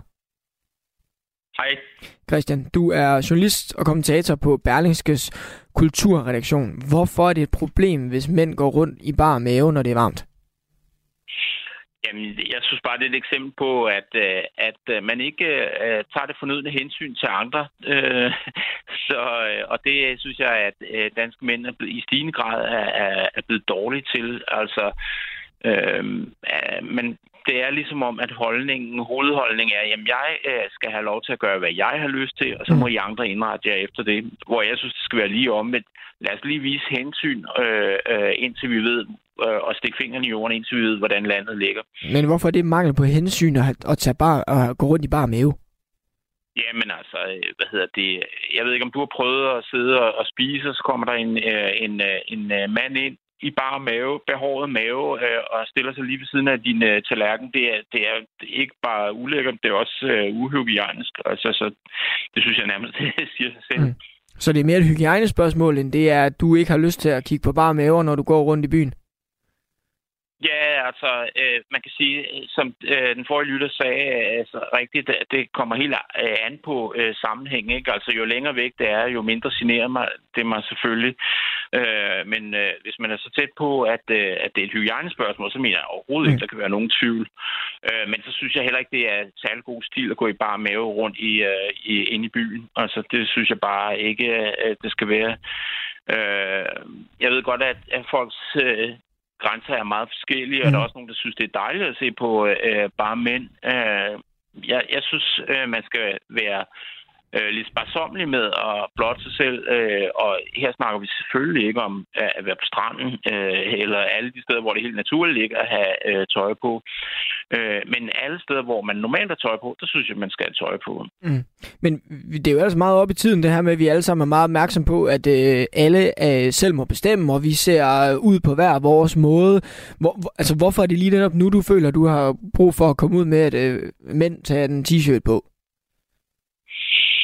Mm, ja, det er jo ikke et nyt problem som sådan, men altså, øh, jeg har faktisk oplevet det, og, og, og øh, hvad hedder det, øh, ja, altså en episode, som jeg øh, virkelig gjorde indtryk, det var øh, faktisk ikke i Danmark, men i, i Frankrig, hvor jeg øh, sad på en øh, meget øh, dejlig fortogscafé, øh, og øh, på, i sådan en lille by, øh, og så kommer der øh, en masse danske cykelrytter, i, du ved, dem her i Lycra-sæt, øh, ind på pladsen og slår sig ned på samme café, og straks smider de, øh, fordi det er ret varmt, smider de t-shirten, og jeg kan love dig for, at franskmænd, de øh, ser ikke at man smider tøjet, når man ser på deres café. Det er, mm. det er i hvert fald det er langt over deres grænser. Mm. Øh, og og det, det var helt tydeligt, at de synes, det var da meget fornuftigt, at de, øh, når de lige øh, landet her, de lige smed tøjet, så øh, altså deres sved sprøjtede i alle retninger ikke, på den her café. Jeg, jeg synes bare, øh, det gjorde mig faktisk lidt harm. Mm. Men kan du forstå, hvis nogen synes, det er lidt sippet, at man ikke kan holde ud, at, øh, at folk har bare mave øh, ude i det offentlige rum, når det øh, ja, i øvrigt er rigtig varmt? Jamen, jeg kan da godt forstå, at folk øh, synes, det er sæppet, fordi vi har alle sammen forskellige grænser. Jeg synes bare ikke, at det er dem, der har de videst mulige grænser, øh, som øh, skal tvinge alle mulige andre til at tage hensyn til dem. Mm. Altså, øh, det er jo ligesom med alle mulige andre slags opførsel. Altså, øh, du går heller ikke ind øh, øh, et sted, hvor der er stille og roligt med en, en larmende øh, hvad hedder det, øh, radio og så forlanger, at alle andre skal finde mm. sig i det, bare fordi du øh, har lyst til at høre høj musik, ikke? og så videre, og så videre. Det, det, det er bare øh, almindelig sund fornuft og hensyntagen. Er der forskel på, hvordan man ser ud? Altså om man har en øh, trænet overkrop, eller har lidt øh, på sidebenene? Jamen altså, selvfølgelig er der forskel på, hvordan folk ser ud. Jeg synes bare ikke, det gør nogen forskel i den her sammenhæng. Mm. Altså jeg, og det skriver jeg også i min kommentar i øvrigt, altså jeg, øh, er ligeglad med, om det er en lasket loge eller en trimmet tor, øh, det er tale om. Jeg synes, det er, øh, at det handler om øh, hensyntagen og god opførsel. Øh, og så er det fuldstændig lige meget, hvor mange øh, meget, øh, meget sixpack du har. Mm. Og altså, hvad, er, det ikke, er det ikke svært at lave sådan nogle adfærdsregler her? Du siger jo selv, at der er forskel på, om man sidder på restauranten, eller om man, øh, man løber. Altså, er, er det ikke en mega svær balance? Ja, jeg synes da ikke, det er så svært. Altså, hvis det generer nogen, så... Øh, hvis man kan forvente, at det generer nogen, så synes jeg, at det siger sig selv, at så, så mm. går grænsen der, ikke? Men altså, jeg synes heller ikke, man skal skrive reglerne ned, mm. fordi øh, det, det kommer helt af sig selv. Jeg synes bare, hvis man nu øh, siger, øh, at jamen, jeg har lyst til at have bare mave, så hvis der er nogen, der generer, så må de jo sige til. Så, så er du allerede overskrevet grænsen, ikke? fordi det er jo da skide ubehageligt at skulle rejse sig op og sige, gider du ikke øh, gøre det her? Det er jo ubehageligt for alle, der er involveret. Ikke? Det er mm. ubehageligt for den, der beder om det, og det er også ubehageligt for den, der bliver bedt om at tage en trøje på. Ikke? Så hvorfor ikke bare undgå det, og så øh, øh beholde trøjen på, indtil du kommer hjem i din egen have? eller til stranden. Christian Lindberg, tak fordi du var med i Ring til Radio 4 i dag. Selv tak. Altså journalist og kommentator på Berlingskes kulturredaktion. Og øh, vi taler altså om bare maver i det offentlige rum. Øh, er det okay, når det... Øh, ja, øh, og at mænd gør det, når det bliver varmt? Og du kan altså byde, øh, byde ind i debatten 72 30 44 44. Du kan også sende en sms på 1424. Irene på 83 fra Allerød har ringet ind. Hej Irene. Hej. Hej Irene. Er det okay, Hej. er det okay, at mænd de går rundt i bar mave, når det bliver varmt? Nej, det synes jeg ikke. Bare i sin egen have, så synes jeg, det er okay, men ikke på vejen. Og heller ikke løber ud ud i en t-shirt, for jeg synes ikke. Hvorfor Fordi ikke? vi har trænetøj på. Der er mange, der, det sælger mange sådan trænetøj, så det er så lidt så dejligt at, at løbe med, ikke? Der er det på, mm. ikke også? Men det der, der er så nogen, der går rundt ind i supermarked og i, i udfordrende sidder på restaurant sammen med mig. Alle de andre, der tøj på, og du kommer der. Det er lige meget, hvis du er en pæn krop, eller du ved, en stor mave, eller det er lige meget. Det er også, det er kræmer, det er ikke pænt. Det er ikke pænt. Jeg synes, at det er ulækkert. Og side og alt det der, du ved, alt mange gange lugter det. Altså, det synes jeg, det er jo, det er lige meget til mænd og kvinder. Jeg, jeg, jeg synes ikke, det er godt nok. Men altså, kan du så ikke bare øh, kigge væk, for eksempel? Altså, hvor, hvorfor betyder det noget for, for dig, hvad, hvad jeg gør, i, øh, så at sige? Jamen, for jeg synes, at det er uden respekt. Er ikke respekt for det der. Det, det må man da ikke. Mm. Man skal, man skal tænke også på de andre, tænke på sig selv. Hvorfor du skal vise din mave, hvis du har en pæn mave i en pæn krop, og alligevel beholder til dig selv? Mm. Det synes jeg ikke. Så det er ikke grund til det der. Jeg synes, at det var grimt. Det jeg kan ikke lide. Der var tre gange, jeg var ud, og så sætter jeg mig ud i restaurant, spiser en god mad, jeg og, og tre veninder. Vi rejser op, mm. fordi der var simpelthen mænd, den der. Der var pænt flotte unge mænd, altså med, med maver. Åh, oh, gud, hvor de var så glad. Men ved du hvad? Mm. Det synes jeg, det der. Prøv at lige tage din, din t-shirt på. Så rejser vi op. Vi synes ikke, det, det er godt. Der er ikke nogen, der kan lide. Synes. Irene, tak fordi du vil være med i debatten i dag. Det var så lidt, velbekomme. Og øh, det kan du også være. Ring til mig 72 30 44 44, eller send mig en sms. Det har Tommy blandt andet gjort. Jeg er 57 og går rundt i bare overkrop hvert år om sommeren. Hvad er det dog for en verden, hvor alting skal forbydes efterhånden, skriver altså Tommy. Og hvad synes du? Er det okay, mænd går i bare mave, når sommeren den, øh, ja, den sætter ind? 72 30 44 44, eller en sms til 14 Radio 4 taler med Danmark. Du lytter til Ring til Radio 4. Din vært er Sylvester Guldberg Røn. Solen skinner, og vi er i øh, fuld gang med en debat om øh, netop det, altså øh, bare overkroppe i det offentlige rum, når det er dejligt varmt udenfor. Det syn, det skal kulturkommentator ved Berlingske Christian Lindberg ikke øh, bede noget. Han skal ikke nyde noget af det. Han skriver i en øh, klumme i øh, Berlingske. Hej mænd, I bliver aldrig så lækre, at det berettiger jeg det, at det berettiger, at jeg skal finde mig i jeres bare overkroppe. Og det er altså den debat, vi øh, tager lige nu. Er det i orden, at mænd går rundt med bare overkrop på gader og stræder, når sommervarmen melder sig? Eller vil du helst være fri for at øh, se på det? Ring ind til mig 72 30 44 44, eller send mig en sms på 14 24. Katrine, hun skriver på sms'en, jeg gav min mand klar besked, da han ramte de 40 år. Det var slut med at gå i bare overkrop på gaden og på restauranter. Jeg øh, går jo heller ikke i bikinitop på gaden, skriver øh, altså Katrine inde på øh, sms'en, og en anden skriver, jeg synes det er lækkert med en pæn solbrændt mand overkrop i sommerlandet. Jeg vil ønske, at jeg som kvinde kunne gøre det samme. Der er jo ingen, der sidder med bare overkrop på en restaurant, men på en udendørs bar, der er det bare fint. PS, jeg er snart 70, og I love it, lyder det altså inde i uh, sms'en. Vi skal lige en tur tilbage til vores uh, faste lytter i Nørre, nemlig dig, Bjarke Ries Poulsen. Du er stadig med mig, ikke Bjarke? Bjarke? Jo, det er i hvert fald. Godt. Hvad, altså, nu hørte vi lige Christian Lindberg her, som jo øh, ja, er kommet med opråbet.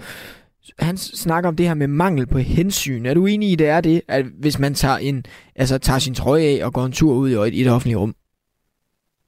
Øh, jeg kan være helt... Øh, jeg, jeg synes, han kommer med nogle gode argumenter, og jeg synes, at øh, det der med restaurantbesøg og sådan noget, det er jo også det, vi er inde på. Der, der må man gerne øh, lige tage hensyn til andre, og tage hensyn, altså, hvis, man er, hvis man er ude og handle ind, øh, hvor man også går... Det er jo... Det handler jo trods alt også, er inde. Øh, men at, at gå en tur med familien eller et eller andet, øh, hvor man så vælger at have bare overkrop, Mm. øh, det synes jeg, det kommer op til folks eget valg, øh, hvad de vil eller ej. Mm. Øh, men om, om det er manglende hensyn. Altså, jeg, jeg synes, at den lytter, der skrev ind og, og siger, at hun vil ønske, at at kvinder kunne gøre det samme. Og det, det kommer vi lidt tilbage til de der crop tops, som jeg nævnte fra Mm. start af med, øh, med at det kan vi fandme få noget diskussion om. Men, øh, men, men mændene vil have lov til at gå i bare overkrop, men uha, om kvinderne de skal have lov eller ikke. Og det, det burde jo være lige. Mm. Vi har også en sms her, for eksempel fra Morten, der siger, det er jo kun nogle få mænd her og der, som går rundt med bare overkrop, koldt vand i blodet og drøb i øvrigt den utålige sarthed. Er det at være sart, ja. synes du, øh, hvis, man, hvis man synes, det her det er hensynsløst? Ja, det synes jeg. Hvis, hvis, hvis, hvis du bruger ordet hensynsløst, øh, så synes jeg, det er. Mm. Og, øh, det er sådan lige at være sart nok. Men jeg synes, det kommer meget an på situationen og, og konteksten. De har den her bare mave eller bare overkrop i. Øh, ja, Og hvad er det, hvad er det, nu, hvad er det igen, du synes, at den, der er den korrekte kontekst, og hvor er det over grænsen? det, jeg synes, det er ja, over grænsen. Jeg synes, er man på restaurantbesøg, er man ude at spise, eller er man øh, ind eller handle ind, eller sådan noget, et sted, hvor øh, der er mange mennesker, de rører ved det samme, øh, har vi kontakt med de samme ting, så sidder han i en stol på restauranten og, og sidder og sveder i den, og har ikke en, øh, en trøje på eller en, en skjort, så, øh, så er det jo heller ikke helt hensynsfuldt over for de næste, der kommer og sætter sig. Men går han bare en tur eller et eller andet, der ikke har fat i noget, så, så kan det ikke røre mig. Mm-hmm. Der er også Frank, der skriver, der er, in- der er intet seksuelt i en bar overkrop, hverken hos mænd eller kvinder. Bryster er ikke et kønsorgan, så flash bare løs, mænd og kvinder. S- synes du, det er fordi, at vi seksualiserer noget, at, at, at det her det er problematisk? Ja, jeg synes, det er problematisk, fordi vi seksu- seksualiserer ikke ved mændene. Mm. Det er jo ikke det, sådan jeg forstår, at det her indlæg, når jeg har læst det, det er jo ikke det, han synes ikke, det er noget seksuelt gøre. Men vi er jo simpelthen så travlt med at seksualisere det, hvis det er ved kvinder. Mm. Uh, det, det, det er lidt farligt. Mm. Det, det, er jo, det er jo den samme ting. Det burde jo være set som det samme. Mm. Uh, det, det, er jo simpelthen, for mænd, der synes vi, at det, der bliver der taget, dem, der tager afstand fra det, det er fordi, de synes, det er klamt, og det er forfærdeligt, og det er ikke til at holde ud at se på. Og ved, ved kvinder, så er det fordi, det bliver noget seksuelt. Mm. Det, det er lidt en fejl, det er fejlforstået. Bjarke, hæng, øh, hæng endelig på. Jeg skal nok vende tilbage til dig i øh, debatten, og øh, du kan altså også være med derude. Ring ind til mig 72 30 44 44, eller send mig en sms til 1424, hvor vi altså taler om mænd i bar overkrop i det offentlige rum. Er det helt okay, eller er det noget, du helst vil være øh, fri for at øh, se på? Der er en, der skriver, det er også ulækkert, at folk smasker på restauranten og har irriterende larmende børn med overalt. Det er altså værre end et, øh, end et par tykke bare maver. Og øh, en anden skriver, alle kroppe er smukke, kort og godt. I øh, Euromans podcast Arbejdstitel, der taler chefredaktør Christoffer Dahy Ernst med sin øh, medvært Oliver Ené om øh, netop det her fænomen med mænd, der går rundt i bare overkrop ude øh, på gader og stræder. Som udgangspunkt så er der ingen af dem, der er tilhængere af, at man løber en tur eller generelt bevæger sig rundt i bybilledet uden tøj på. Men der er altså få undtagelser for, hvornår det er ok, lyder det i podcasten. Og med det, så kan jeg sige god formiddag til dig, Christoffer Dahy Ernst. God formiddag. Chefredaktør altså på øh, Euroman. Hvad er det for nogle undtagelser, hvor man godt kan retfærdiggøre en bar overkrop i det offentlige rum? Jeg vil sige, vi, øh, vi er ret enige om, at øh, bare overkrop, og vi diskuterer jo mænd i podcasten, så, så jeg har egentlig ikke rigtig nogen holdning til kvinder, selvom jeg nu tror, at det også lader sig øh, være gældende for kvinder. Vi, vi prøver at diskutere os frem til, om der kan være nogle undersøgelser, øh, hvis man øh, skal have bare overkrop i bybilledet. Man kan sige, på sin, på sin egen matrikel, i sin egen have, i et sommerhus på en strand, der er det jo lidt svært at, at undgå, og, øh, og der må man jo selvfølgelig gøre, hvad man vil. Vi snakker om, om det er muligt øh, at lave en undtagelse, hvis man for eksempel er ude at løbe, øhm, mm. og, der, og dermed øh, sveder har det varmt, øh, og det i forvejen er varmt udenfor, at man så må smide trøjen. Øh, men der er noget, øh, jeg tror vi ender med at konkludere, at, øh, at uanset hvor varmt det er, så er det trods alt kun et lille stykke stof, øh, en t-shirt, der skal til for at dække din krop, og det kan ikke være den, der tynger dig så meget ned, at du er ved at overophede til, at du skal tage dit tøj af. Men hvad, altså, hvor står du hen, Christoffer, helt personligt? Hvad er det for nogle undtagelser, du ser, der, der er for, at man godt kan retfærdiggøre det? Jamen, jeg, jeg, jeg som sagt konkluderer, at jeg er ikke meget for, at man går rundt i bare overkrop i byen. Jeg synes, man skylder verden og omverden og andre mennesker at være den bedste version af sig selv, mm. og vise dem den respekt, det er at have tøj på, når man går ud i verden. Det er trods alt det, der adskiller os fra dyrene, det er, at vi har tøj på. Mm. Øh, og, jeg, og jeg synes, at, at man som civiliseret menneske skal have tøj på, når man går rundt ud i verden. Øh, man kan jo argumentere for, at hvis man løber en tur, mm. det er over 25 grader, og man har været ude og løbe mere end 15 km og er ved at, ved at smelte, så mm. kan det være i orden at have, have, have t-shirten af. Men igen, det er så lille et stykke stof, og det er så tynd en trøje, og du er hjemme igen inden for, øh, inden for en time. Altså, hvor svært kan det være at beholde mm. den på? I podcasten, der diskuterer I jo også det her med, øh, om der er forskel på, om det er en, øh, en lille dunk, man gemmer ind under det her stykke stof, eller om det bare er et hakket vaskebræt. Er der forskel på det, synes du?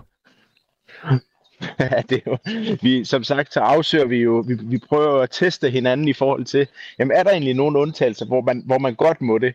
Og så kommer vi ind på den her diskussion omkring, Jamen altså, er det egentlig forskel på, om man er virkelig, virkelig trænet, eller om man øh, har en lille dunk? Og jeg siger jo, sådan, som sådan en lille automatreaktion, hvis man endelig skal have bare overkrop, så skal man godt nok være trænet. Men hvor min øh, gode medvært Oliver så siger, han synes jo egentlig, at det er et lidt større flex, hvis man bare er så ligeglad med omverdenen, mm. at man også og så går rundt i, eller løber rundt i bare overkrop, hvis man har lidt mave. Men det, øh, og det, er det, det en familie omstændighed, synes du? Altså, er det, er er det okay, hvis, hvis, hvis man har en, en ordentlig, øh, en, er, er, er, står skarp, skarpt og hakket ind under trøjen? Er det ikke lidt diskriminerende også? Nej, det tror jeg, det, jeg, jeg, øh, jeg synes, alle kroppe i udgangspunktet øh, skal have lov til at være her. Selvfølgelig skal de det. Øhm, og, og jeg synes kun, at det er, øh, det er fantastisk, hvis, hvis det der klassiske mandeideal med en meget trænet overkrop, også kan give lidt plads til, til dem, der måske ikke lige går ned i fitnesscenteret hver dag. Så, øh, så jeg synes, det er, øh, det er lige så fint at, at smide trøjen, hvis man endelig vil det. Hvis man har en lille smule mave, øh, eller en stor mave for den sags skyld, så er det kun endnu mere respekt, hvis man vil løbe en tur. Mm. Men, øh, men jeg tror, jeg tror, vi, jeg tror, vi konkluderer, at, at øh, det, det er fint at, at smide t-shirten, hvis man er ved at overophede på en meget, meget varm sommerdag, og alligevel er på sin løbetur og er ved at nærme sig hjem. Øh, og det er i den grad også fint, hvis man både er trænet, og hvis man også har en lille smule mave. Mm. Der er også øh, mange, der melder ind på sms'en her. Kristoffer en, der skriver, jeg tror, det er mere almindeligt, eller var mere almindeligt at gå med bar mændeoverkrop for årtier tilbage, men kan ikke forstå, hvorfor mænd nu ikke må det mere. Det er komisk, at folk bliver stødt over det, selvom han så også siger, at det vil være sært at se øh, på en café, øh, fordi man ikke er vant til det mere. Altså, er det, er det, er det, bliver, bliver du stødt, for eksempel? Nej, jeg bliver, ikke, jeg bliver ikke stødt. Man kan blive stødt over andre ting, som er mere alvorlige. Men mm. det er jo en det er jo en tilbagevendende ting, som jeg synes sker hvert forår når, og sommer, når det begynder at blive varmere igen, og at man rent faktisk kan gå i bare overkrop. At man så ser nogle, nogle mænd, der gør det på gader og stræder, hvor man, hvor jeg synes, man, jeg synes, det ser forkert ud. Mm. Jeg bliver ikke stødt over det, men jeg synes, det ser forkert ud, og jeg synes, at det er, det er en misforstået, øh, det er en misforstået frihed, man tager sig, for at kunne sige, jeg, jeg går sgu klædt, som jeg vil, mm. øh, eller afklædt, som jeg vil. Mm. Og, øh, Hvad og der, der, der synes jeg, man, man skylder omverdenen, og Jamen, jeg synes, man kan, være, man kan være afklædt derhjemme, eller i sin have, eller på mm. sin terrasse. Men når man er ude, ude i, mm. i bybilledet, så, øhm, så synes jeg, man skylder sine medmennesker og sin omverden og, og, og påklæde sig og opføre sig civiliseret. Det, det indebærer altså, mm. øh, som i en, den moderne verden, vi lever i, at man har tøj på. Og nu var vi inde på det helt i starten. Altså, hvad hvis det var en kvinde? Jamen, det, jamen, det er præcis det samme, der gælder det. Så kan man jo sige, der, der var en lytter igennem tidligere, som, som sagde, at det ikke handlede om, om en seksualiseret øh, kvindekrop, men det tror jeg nu ikke, jeg er helt enig med vedkommende i. Altså det er klart, at der, der er og har været gennem historien, øh, der er det klart, at kvindekroppen med bryster er mere, hvad skal man sige, seksualiseret end mandekroppen er. Mm. Jeg synes egentlig, de samme uskrevne regler gælder for kvinder, at, øh, at de heller ikke skal gå rundt i, i bar overkrop mm. øh, i byen. Christoffer Davians, tusind tak, fordi du var med i uh, Ring til Radio 4 i dag. Tak skal du have, Sylvester, og fortsat god dag. I lige måde, og øh, det var altså chefredaktøren på øh, Euroman, vi øh, hørte fra her. Du må også rigtig gerne være med i debatten 72 30 44 44 eller på sms'en 14 24. Vi taler altså om, det er okay, at mænd går rundt i bare overkrop i det offentlige rum, nu når øh, sommeren banker på døren, eller om du helst vil være øh, fri for det. Send mig en sms eller ring til mig. I det sidste måltid på Radio 4 spiser Lærke Kløvedal et måltid mad med en kendt dansker. Jeg er fandme god, den her is. Har du mere? De taler om livet og døden, og sammen skriver de gæstens nekrolog. At være midt i en kærlighedsakt. Men det er sådan, jeg godt kunne tænke mig at dø. Lyt til det sidste måltid på søndag kl. 10 eller i Radio 4's app. Men nu får du mig langt ud på dybt vand her. Radio 4 taler med Danmark. Hvor vi altså taler om bare overkroppe, øh, overkroppe i det offentlige rund, øh, rum. Helt konkret øh, dem, som øh, mænd har, altså mandlige overkroppe. Er det i orden, at øh, man har det nu, når sommeren banker på døren, at man så går en tur ned ad gaden og ja, måske sidder på en forsorgsrestaurant i bar mave, eller øh, er det hensynsløst? Det er altså det, vi taler om, og nu skal vi en tur til øh, Oksbøl igen, og tage med dig, Bente, på 67. Hej, Bente. Hej, hej. Bente, er det i orden at have øh, bar kasse, som øh, nogen kalder det, ude i det offentlige rum? Altså, jeg er lidt træt af, at vi, vi hele tiden skal sige, hvad er godt og hvad er ikke godt. Og sådan. Altså, vi hisser så meget op over nogle ting, hvor jeg egentlig tænker, jeg er ikke tilhænger af, at, at man går ind i byen, hvis man går på stranden eller noget helt andet, og sidder på en sportsrestaurant og sådan noget. Det må folk egentlig selv op. Jeg vælger det bare fra. Og så hisser jeg mig ikke mere op over det. Ligeså vel som folk må gå i noget tøj, jeg ikke bryder mig om. Det er ikke sikkert, jeg vælger det fra, men, men mm. jeg, jeg er da ligeglad. Hvis det er vigtigt for dem, så har det måske egentlig slet ikke en interesse. Mm. Nogen kan jo netop godt lide at se, om de kan trække nogle mennesker. Mm. Ikke? Så hvis man bare lader som om, man er da ligeglad med det. Og hvis det er nogle restauranter, hvor de sætter sig ind, eller kafeterier, hvor de sidder i de der overkroppe og sidder i de der, så finder restauranter jo ud af, at der er nogle andre, der bliver, vælger dem fra. Mm. Og så, så må de jo sætte deres regler. Øh, altså, det er jo mere det, men fordi de sidder på en bænk nede i byen, det går udenom den bænk. Jeg sætter mig ikke ved siden af dem, men jeg er sådan set ligeglad med det. Men du synes ikke, det er mangel på pli eller dannelse, eller hvad man skal sætte af ord på? Mm, jamen, det er jo ikke, jeg synes jo, det er svært at sige, fordi det, det vil det være for, for mig selv. Og jeg vil heller ikke synes, at min mand skulle gøre det vel. Altså, men at andre så har det der, de har nogle andre, måske er, det, er de et sted i deres liv, hvor de lige har brug for at vise, at det kan vi. Så vil vi godt to år efter, så sige, at det kunne jeg aldrig drømme om. Mm. Altså, det er jo den måde, vi udvikler os på også, ikke? Og, og det synes jeg kan være svært at, at være til dommer for, i hvad rækkefølge der er rigtigt. Men hvorfor, men hvorfor vil du ikke, Bente, have for eksempel, at din egen mand skulle gøre det? Nej, fordi jeg synes ikke, det er passende. Altså, det okay. synes jeg ikke, det er. Jeg synes ikke... Nej, fordi jeg synes, at vi er i et samfund, hvor vi har tøj på. Altså, det er sådan min grundlæggende holdning, at når vi går ud, så har vi i hvert fald en eller anden form for tøj på. Ja. Mm. Og okay. det, det, så på den måde synes jeg det ikke. Men det er ikke noget, jeg, jeg gider hisse mig op over, eller noget, at andre har det anderledes. Men det er min grundlæggende holdning, og derfor vil min mand i hvert fald aldrig nogensinde. Men det vil jeg nu ikke at bekymre mig om, for jeg vil heller aldrig nogensinde føle sig tilpas i det. Okay. Så det er ikke sådan, at jeg står og siger, det må han ikke. Men, øh, øh, altså, men, men jeg synes bare, at vi går og, og, og danner meninger og holdninger og sådan om alt muligt, som vi egentlig bare kunne sige, skide der være med det, hvor mange er det, vi snakker om. Ja, så man kan kigge væk. Altså, ja, sådan kigge væk og, og sige, nå jamen, altså, så længe jeg ikke bevæger mig ind i en mega stor menneskeblok og bare øh, overkroppe, så er det, det er jo lige meget. Ikke? Så jeg tænker, den, den person har jo åbenbart et behov for at gå sådan der, eller sige sådan der. Og så tænker jeg, det, det, det er fint. Det, det får ikke mit gå. Det gør det ikke. Bente, tak fordi du øh, meldte ind i debatten. Ja, det var så lidt da. Det kan du også gøre. To, hej hej, 72 30 44 44, eller på sms'en 1424, og øh, nu skal vi en tur til Nordvest i øh, København, og til dig, Kjell Erik på 77. Hej, Kjell Erik. Ja, goddag. Goddag, Kjell Erik. Øh, er det okay, at mænd ja. de går rundt i, øh, i bare mave ude i det offentlige rum? Ja, det generer mig ikke en pind. Nej, hvorfor ikke? Nu, nu, nu er det også det, jeg har jo den der gamle, lidt hippie-agtige indstilling. Mm. Og i 70'erne, der smed vi jo næsten kludene ved enhver passende lejlighed, ikke? Ja. Selv over i Fælleparken. Men er der ikke sket meget siden da? Jo, det er der da, og samfundet har desværre udviklet sig i en meget placeret retning, jeg ikke mig om. Hvis vi lytter til ham der for Euroman, ikke, så ender det jo med, at vi alle sammen skal gå med slips, ikke? Mm. Igen. Og hvad er der galt i det? Altså, hvor, hvor, hvad er der galt i, at man, at man også lige tænker på, øh, på, hvad de andre de skal kigge på, når man bevæger sig ud i det offentlige rum? Jamen, der er da, det er der vel ikke noget galt i egentlig, men altså, hvad, hvad galt er der i en nøgen mandoverkrop? Mm. Det er der ikke. Der er ikke noget galt i det. Ja, det kan jeg da ikke se. Nej. De, der er nogen, de, de har lidt muskler, og nogen har ligesom meget sådan lidt slappe, næsten bryster, ikke? Mm. Mm. Altså, kroppen er nu engang, som den er. Ja. Men, men, men... men altså, hvis vi skal stræbe alle sammen efter et eller andet muskuløst ideal for at have lov at smide undertrøjen, så synes jeg, vi er ude og skide. Ikke? Altså, jeg brugte også et tåbeligt argument, da jeg ringede. Ikke? Er, paradis et offentligt rum? For der er de sgu da nøgen alle sammen, indtil der kommer slanger, ikke? Mm, okay, på den måde. Ja. Men hvis vi nu tager for eksempel eksemplet som, øh, som Christian Lindberg fra Berlingske, altså ham, der har sat hele debatten i gang i dag. Øhm, det her med, hvis man nu for eksempel sidder på en fortovsrestaurant ude i det gode vejr, og så kommer der gående en eller anden øh, mand ned ad gaden i bar mave, og det har jeg, man altså ikke øh, hverken øh, bedt om eller betalt for på den restaurant, og skulle sidde og kigge på det, mens man sidder og spiser.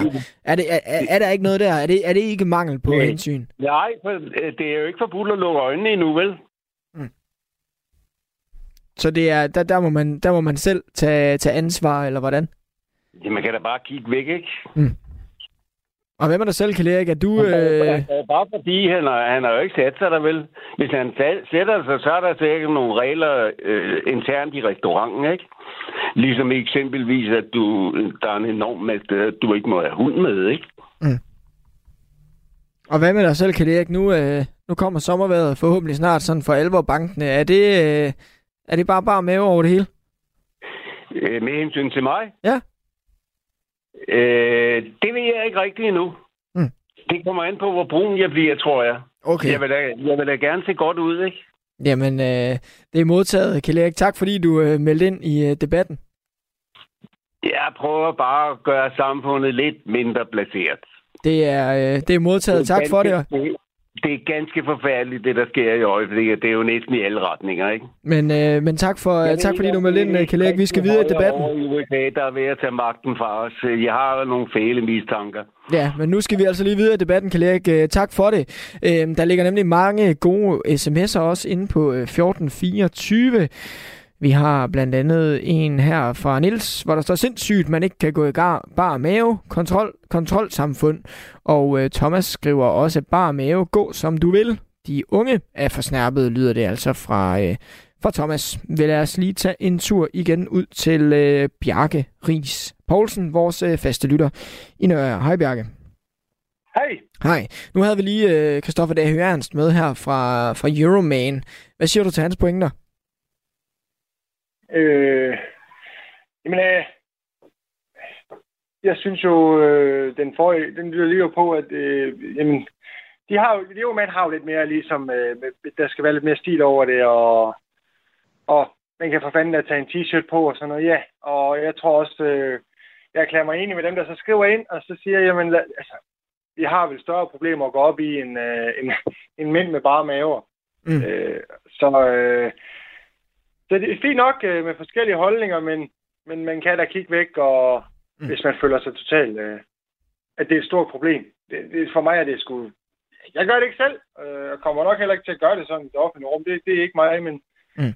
Men at de andre, der gør det, det har jeg ikke. Jeg vil gerne lige læse en sms op for dig, Bjarke, som, øh, som Annette har sendt. Det er ikke øh, varmere i Danmark om sommeren, at man kan tage en t-shirt på i bylivet. Men der findes typer, især unge mænd, der slet ikke kan modstå deres selvglæde og lyst til at promovere øh, deres veltrænede overkroppe efter vinterens enerverende træning i fitnesscentrene. Er du, øh, køber du den her med, at det meget er de unge mænd, som skal ud og øh, føre sig frem med deres øh, flotte kroppe? Øh, Jeg køber i hvert fald de argumenter for, at vi ikke skal til at gøre forskel, og så sige, at dem, der er flotte, øh, hvem, hvem skal så bestemme, hvad der er en flot krop, og hvem skal bestemme, hvad der ikke er en flot krop. Og det er der ikke nogen forskel på. For mig, øh, hvis jeg tænker på mænd i bare overkrop, så synes jeg lige så tit, det er mænd på 50, øh, 55, der, der har nogle børn og slapper lidt mere af i livet. Og så er der selvfølgelig den der generation af unge, der gerne vil vise, at de kan godt finde ud af at gå i fitnesscenter, men mm. ja, det, det generer ikke mig. Og øh, Bjarke, tak fordi du vil være øh, med i øh, debatten om bare maver i dag. Jamen, velbekomme. Og øh, så slutter vi debatten på Frederiksberg og øh, hos Mark på 38. Hej Mark. Hej, hej. Mark, skal man, øh, skal man have lov til som mand at gå rundt i øh, bar mave ude i det offentlige rum? Øh, man skal ikke have lov til at gå rundt med varme levbosteg, bussen eller alt muligt andet. Det er et offentligt rum, og der skal gælde nogle offentlige regler. Mm. Og fordi man har lyst til at tage tøjet af, så øh, er det fint. Det kan man gøre hjemme i sin have eller alle mulige andre steder. Mm. Øh, og det er sådan lidt, altså de her argumenter, de kommer jo sådan, når det er sådan er belejligt. Alt er naturligt, alt er dit og dat og dut. Altså kunne man forestille sig statsministeren for eksempel stå og fremlægge finansloven mm. i bare overkrop? Nej. Men er det det, det man... samme, at statsministeren står i bare overkrop, og at øh, jeg synes, det er varmt at gå en tur ned i gaden uden, uden uh, t-shirt på? Nej, det er ikke det samme, men det er det samme, når man siger, at alt er naturligt alle steder. Mm. Øh, og det er jo også sådan lidt, altså det er jo ofte det, vi ser fra det her såkaldte åbne miljø. Øh, altså alt er naturligt osv. Altså hvis det er det, de mener. Mm. Hvis nu man for eksempel siger, så det gælder for mig, at det er naturligt at have en t-shirt på. Jeg synes, det virker unaturligt at gå i bare overkrop. Men så er der noget galt med mig.